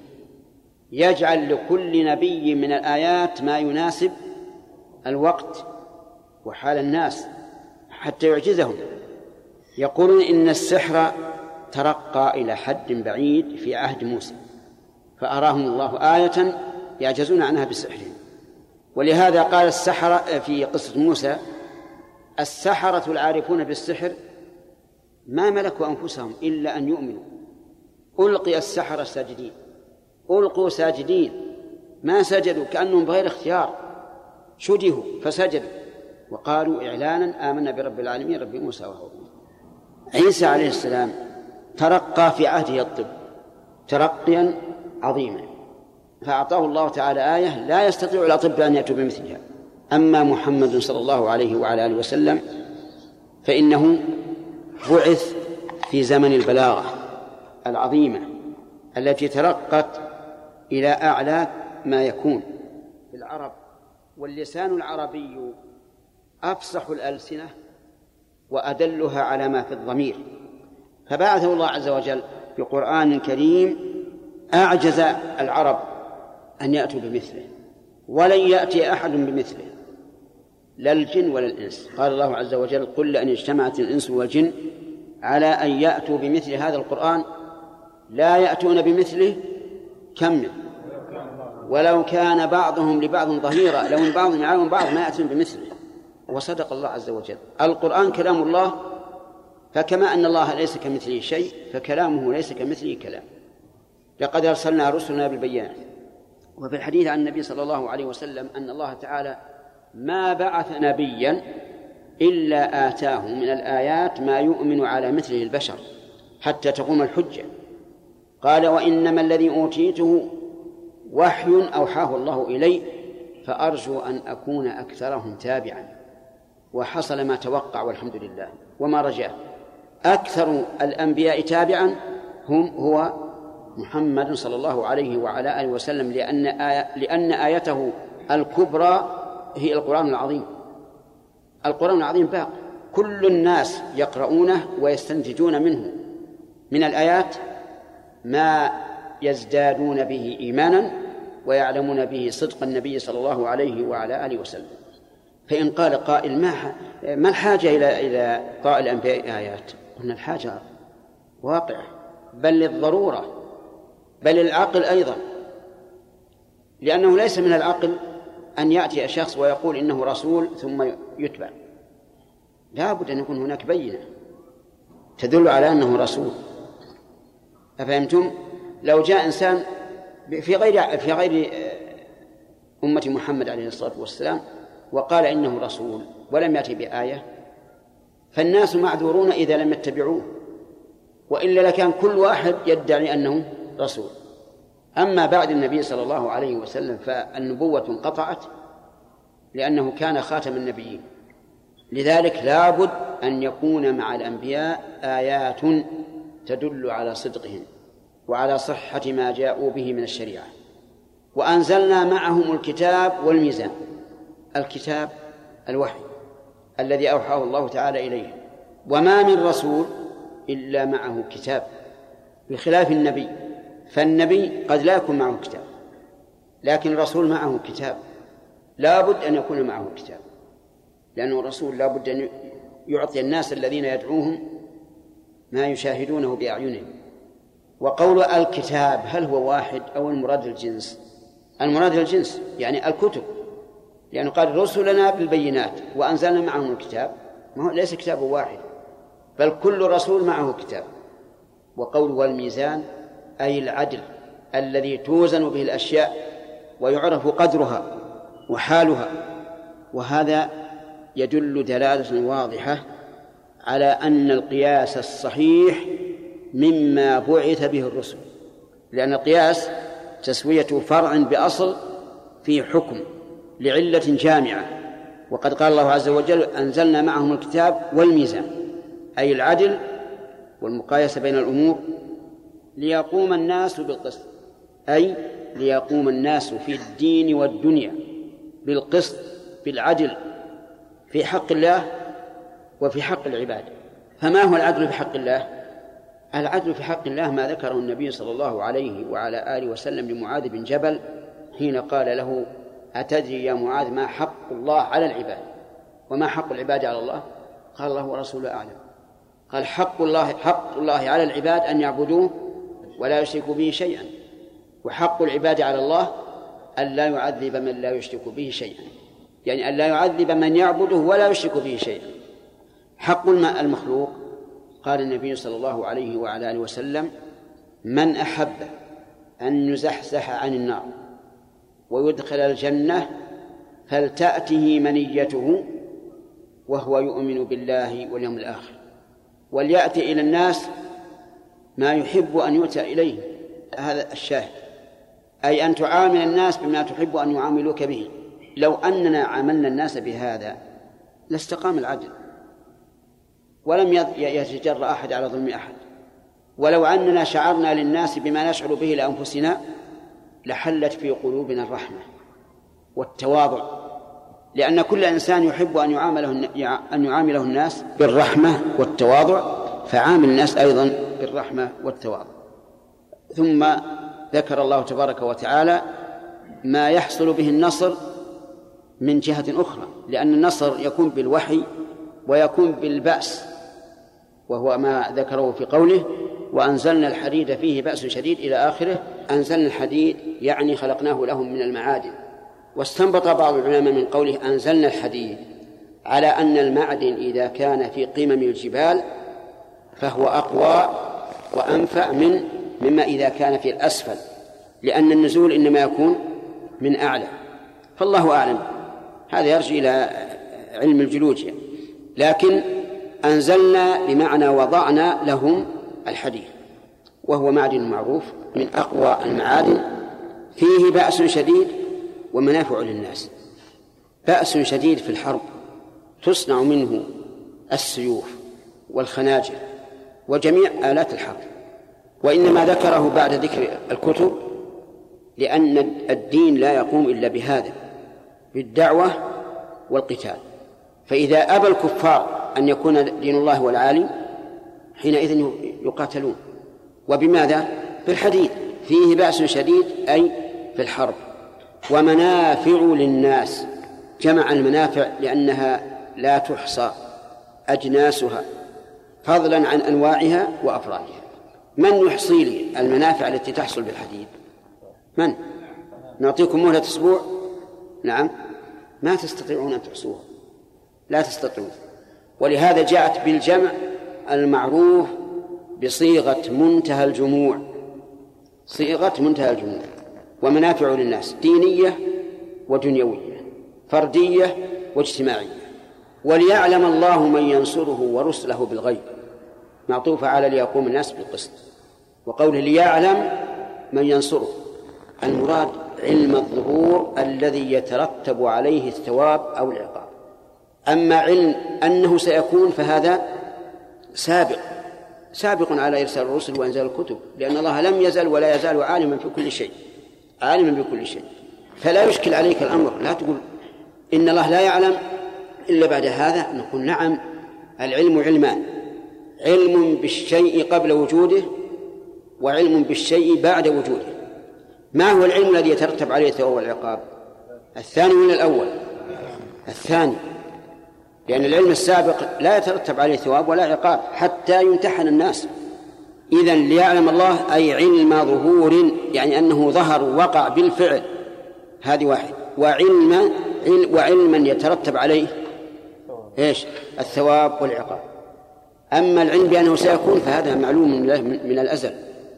من ينصره؟ ينصره. أي ينصر دينه. وليس المعنى ينصر نفس الله. لا لأن الله غني عن العالمين ولهذا قال الله تعالى ولو ذلك ولو يشاء الله لانتصر منه. ولكن ليبلو بعضكم ببعض. والذين قتلوا في سبيل الله فلن يضل أعمالهم. إذا ينصره بماذا تفسرها؟ ينصر دينه. فلو قال قائل كيف ينصر دينه؟ والله يقول من ينصره. هذا تفسير مخالف لللفظ. وأنتم تنكرون على من يفسر القرآن بما يخالف اللفظ بما يخالف ظاهر اللفظ. فما الجواب؟ الجواب نحن لا ننكر على الناس إذا فسروا القرآن بما يخالف ظاهر اللفظ إذا كان ذلك بدليل. إذا كان هذا بدليل فإننا لا ننكر عليه. ولهذا إذا قال قائل في قوله تعالى فإذا قرأت القرآن فاستعذ بالله من الشيطان الرجيم إذا قال قائل إن المعنى إذا قرأت القرآن أي أردت قراءته فهذا فسره بخلاف ظاهره. هل نقول هذا التفسير صحيح ولا غير صحيح؟ نعم صحيح. لأن الإنسان يستعيذ بالله إذا أراد يقرأ مو إذا تم أتم القراءة. بدليل فعل النبي, فعل النبي صلى الله عليه وعلى آله وسلم. ولأن هذا هو الذي يفيد أن يستعين الإنسان بالله قبل أن يقرأ ليقرأ والشيطان بعيد عنه. على كل حال إذا قال لك قائل كيف تفسر قوله تعالى من ينصره أي من ينصر دينه وأنت تنكر على من يفسر القرآن بخلاف ظاهره. فالجواب عندكم الجواب. أننا لا ننكر من يفسر القرآن بخلاف ظاهره إذا كان في ذلك دليل. إذا كان في ذلك دليل صحيح. والدليل على أن المراد ينصر دينه قوله إن الله قوي عزيز. لا يحتاج لأحد فهو قوي عزيز غالب. غالب بقوة. ما لا يلحقها ضعف وقوله عز وجل من ينصره ورسله. نصر الرسل هل المراد أن ينصر الرسول نفسه أو أن ينصر الشريعة التي جاء بها؟ الأمران. إذا كان الرسول حيا فالمراد ينصر الرسول نفسه وشريعته. وبعد موته ينصر شريعته. وفي هذا دليل على أن نصر الشريعة نصر لمن جاء بها. فلا يشكل على هذا أن الله سبحانه وتعالى قد يميت الرسول قبل أن يرى النص الواسع له لأننا نقول نص شريعته نصر له وقوله بالغيب أي أنه ينصر الله عز وجل وينصر رسله وهو لم ير الله لأن الله تعالى ينصر ولا يبصر لا يبصر في الدنيا ولهذا قال بعض السلف ينصرونه ولا يبصرونه. تفسيرا لقوله بالغيب ينصرونه ولا يبصرونه. والمراد لا يبصرونه في الدنيا أما في الآخرة فنظر الله تعالى حق ثابت في القرآن والسنة وإجماع الصحابة. طيب إذن بالغيب أي ينصرون الله وهو غائب ويحتمل أن يكون المعنى بالغيب أي بغيبتهم عن الناس بغيبتهم عن الناس. فيكون في هذا دليل على إخلاصهم وأنهم ليسوا ممن يعبد الله إذا كان بين الناس بل يعبدون الله تعالى في الغيب والشهادة. إن الله قوي عزيز. هذه الجملة استئنافية لبيان أن نص الله عز وجل ليس عن ضعف ولا عن قهر بل هو قوي عزيز. لا يحتاج إلى نص أي إلى أحد ينصره بنفسه ولكن النصر لدينه. نسأل الله أن يجعلنا وإياكم من أنصار دينه. ولقد أرسلنا نوحا وإبراهيم وجعلنا في ذريتهما النبوة والكتاب. هذه الجملة مؤكدة بثلاثة مؤكدات. الأول القسم المحذوف والثاني اللام والثالث قد. ولقد أرسلنا نوح وإبراهيم. نوح هو أول الرسل عليهم الصلاة والسلام وهو من أولي العزم الخمسة. وإبراهيم هو أبو الأنبياء من بعده وإليه يرجع الأنبياء أي إلى ملته. ولهذا يتنازع فيه المسلمون واليهود والنصارى. فاليهود يقولون إنه يهودي والنصارى يقولون إنه نصراني والمسلمون يقولون إنه حنيف مسلم. وهذا هو الحق. والعجب من النصارى واليهود أن يقولوا إنه نصراني أو يهودي. وما كانوا نصارى ولا يهودا إلا من بعده. لكنهم ليس لهم عقول. وجعلنا في ذريتهما أي ذرية نوح وإبراهيم النبوة والكتاب. والنبوة والكتاب يعني الرسل عليهم الصلاة والسلام. وفي هذا دليل على أن آدم ليس برسول وأنه ليس وأن إدريس ليس قبل نوح كما ذكره بعض المؤرخين وهو خطأ مخالف للقرآن الكريم. فليس قبل نوح رسول. وآدم نبي مكلم كلمه الله عز وجل بما شاء من وحيه ثم سار على نهجه فانتشر الناس وكثر الناس صار بينهم الاختلاف. كما قال عز وجل كان الناس أمة واحدة فبعث الله النبيين والمبشرين والمنذرين وأنزل معهم الكتاب بالحق ليحكم بين الناس بما اختلفوا فيه. وقوله والكتاب المراد به الجنس لأن كل رسول معه كتاب. كما قال عز وجل لقد أرسلنا رسلنا بالبينات وأنزلنا معهم الكتاب والميزان ليقوم الناس بالقسط. فمنهم مهتد وكثير منهم فاسقون. منهم أي بعضهم مهتدي وحذفت الياء كما هي القاعدة في اللغة العربية وأصلها مهتدي بالياء لكن حذفت للتخفيف. منهم مهتدي أي بعضهم وكثير منهم فاسقون أي غير مهتدين. وهذا هو الواقع أن بني آدم أكثرهم ضال. كما قال عز وجل وإن تطع أكثر من في الأرض يضلوك عن سبيل الله. ثم قفينا على آثارهم برسلنا. وقفينا بعيسى بن مريم وآتيناه الإنجيل. قفينا بمعنى أتبعنا. مأخوذ من القفا. لأن من يمشي من قفاك هو تابع لك. على آثارهم أي آثار نوح وإبراهيم ومن كان من الرسل الآخرين برسلنا أي التابعين لهم. وقفينا بعيسى بن مريم. نص عليه لأنه عليه السلام ليس بينه وبين محمد صلى الله عليه وعلى آله وسلم رسول بل ولا نبي أيضا. ليس بينه رسول ولا نبي. وما يقال إن خالد بن معدان وغيره لهم نبوة فكله كذب. وآتيناه الإنجيل هو كتاب أنزله الله عز وجل على عيسى. ويعتبر مكملا للتوراة لأن التوراة هي أم الكتب في بني إسرائيل. وجعلنا في قلوب الذين اتبعوه رأفة ورحمة ورهبانية ابتدعوها. ثلاثة أشياء. جعل الله في قلوب النصارى الذين اتبعوا عيسى رحمة فهم من أرق الناس. لما كانوا على شريعة عيسى من أرق الناس قلوبا وأرحمهم بالخلق. لكن بعد أن كفروا بمحمد صاروا أغلظ الناس. أو من أغلظ الناس كما تعلمون ما جرى بين المسلمين وبين النصارى في الحروب الصليبية وغيرها ورهبانية الانقطاع عن الدنيا للعبادة. نعم رحمة ورأفة الرأفة أرق من الرحمة وأبلغ منها. فهي من من نوع الرحمة لكنها أرق وألطف. ورهبانية هي الانقطاع عن الدنيا للعبادة. ابتدعوها يعني من عند أنفسهم. كما فعل بعض فرق المسلمين ابتدعوا رهبانية ما أنزل الله بها من سلطان. لكن معهم رقة ورحمة.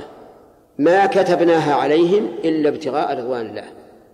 يعني أننا لم نفرضها عليهم ولكن هم طلبوا رضوان الله. ولهذا نقول إن إلا ابتغاء رضوان الله استثناء منقطع. ولكن مع ذلك مع كونهم ابتدعوها واختاروها لأنفسهم ما رعوها حق رعايتها. أي ما قاموا برعايتها الواجبة من إحسان هذه الرهبانية التي ابتدعوها وإنما تصرفوا فيها كما يشاءون. فآتينا الذين آمنوا منهم أجرهم. آتينا الذين آمنوا منهم أجرهم أي ثوابهم. وكثير منهم فاسقون. كثير من هؤلاء النصارى فاسق أي خارج عن طاعة الله عز وجل.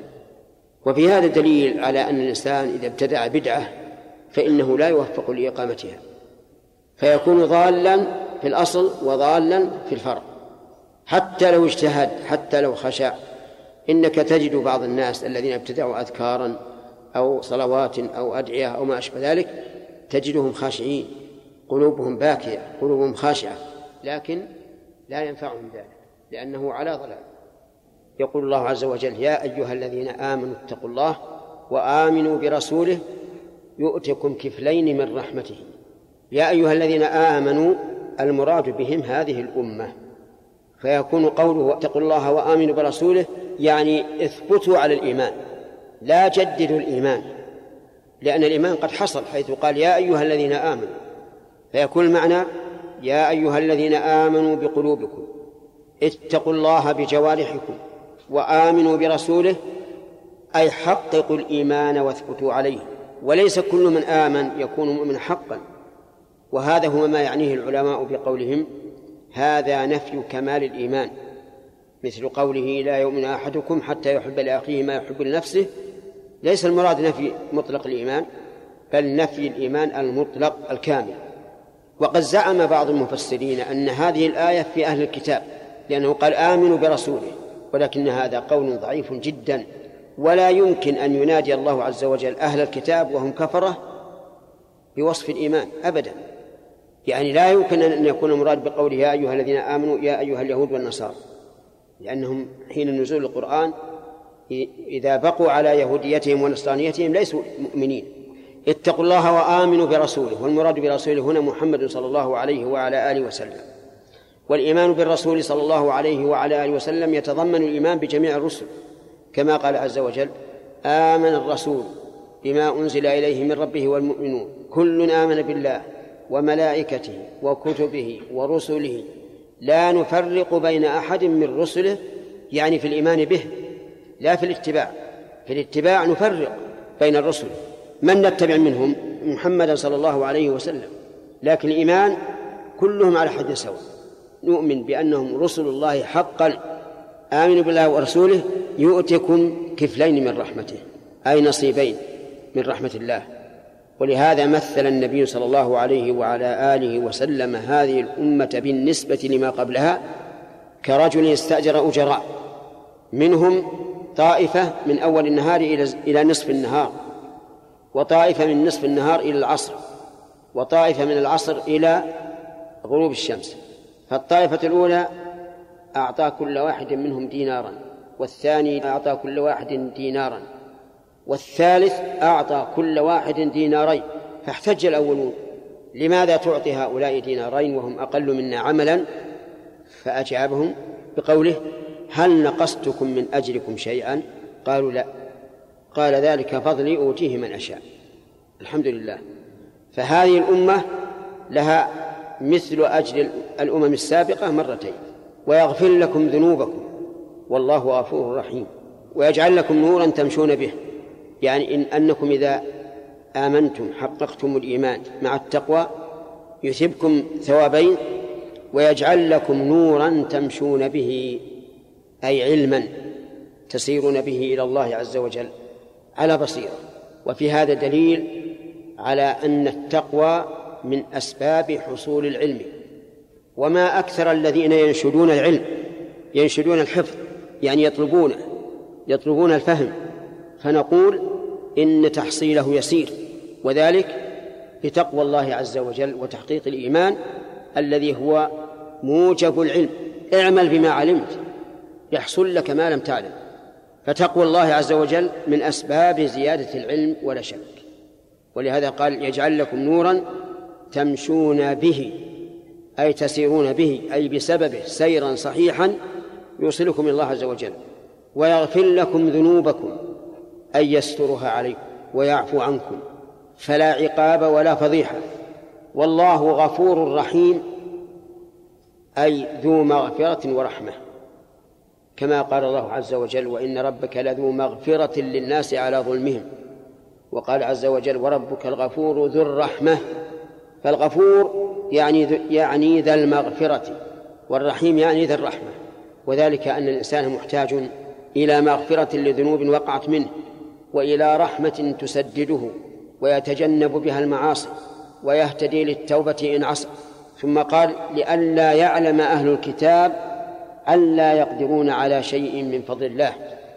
أي جعل لكم هذا الثواب؟ ليعلم أهل الكتاب أنهم لا يقدرون على شيء من فضل الله وأنهم لا يستطيعون أن يحسدوكم ما آتاكم الله من فضله مع محاولتهم الشديدة أن يحسدوا النبي صلى الله عليه وعلى آله وسلم. كما قال تعالى ود كثير من أهل الكتاب لو يردونكم من بعد إيمانكم كفارا حسدا من عند أنفسهم فيقول عز وجل هنا لئلا يعلم أهل الكتاب ألا يقدرون على شيء من فضل الله. لا إعطاء ولا إيش؟ ولا منع وأن الفضل بيد الله عز وجل. هو المدبر. يكل ما يريد على حسب ما تقتضيه حكمته. والله ذو الفضل العظيم أي صاحب الفضل العظيم. وما أعظم فضل الله عز وجل على عباده. فقد قال تعالى وما بكم من نعمة فمن الله ثم إذا مسكم الضر فإليه تجأرون. نسأل الله تعالى أن يؤتينا وإياكم من فضله وأن يهب لنا منه رحمة إنه هو الوهاب. وصلى الله وسلم على نبينا محمد وعلى آله وصحبه أجمعين.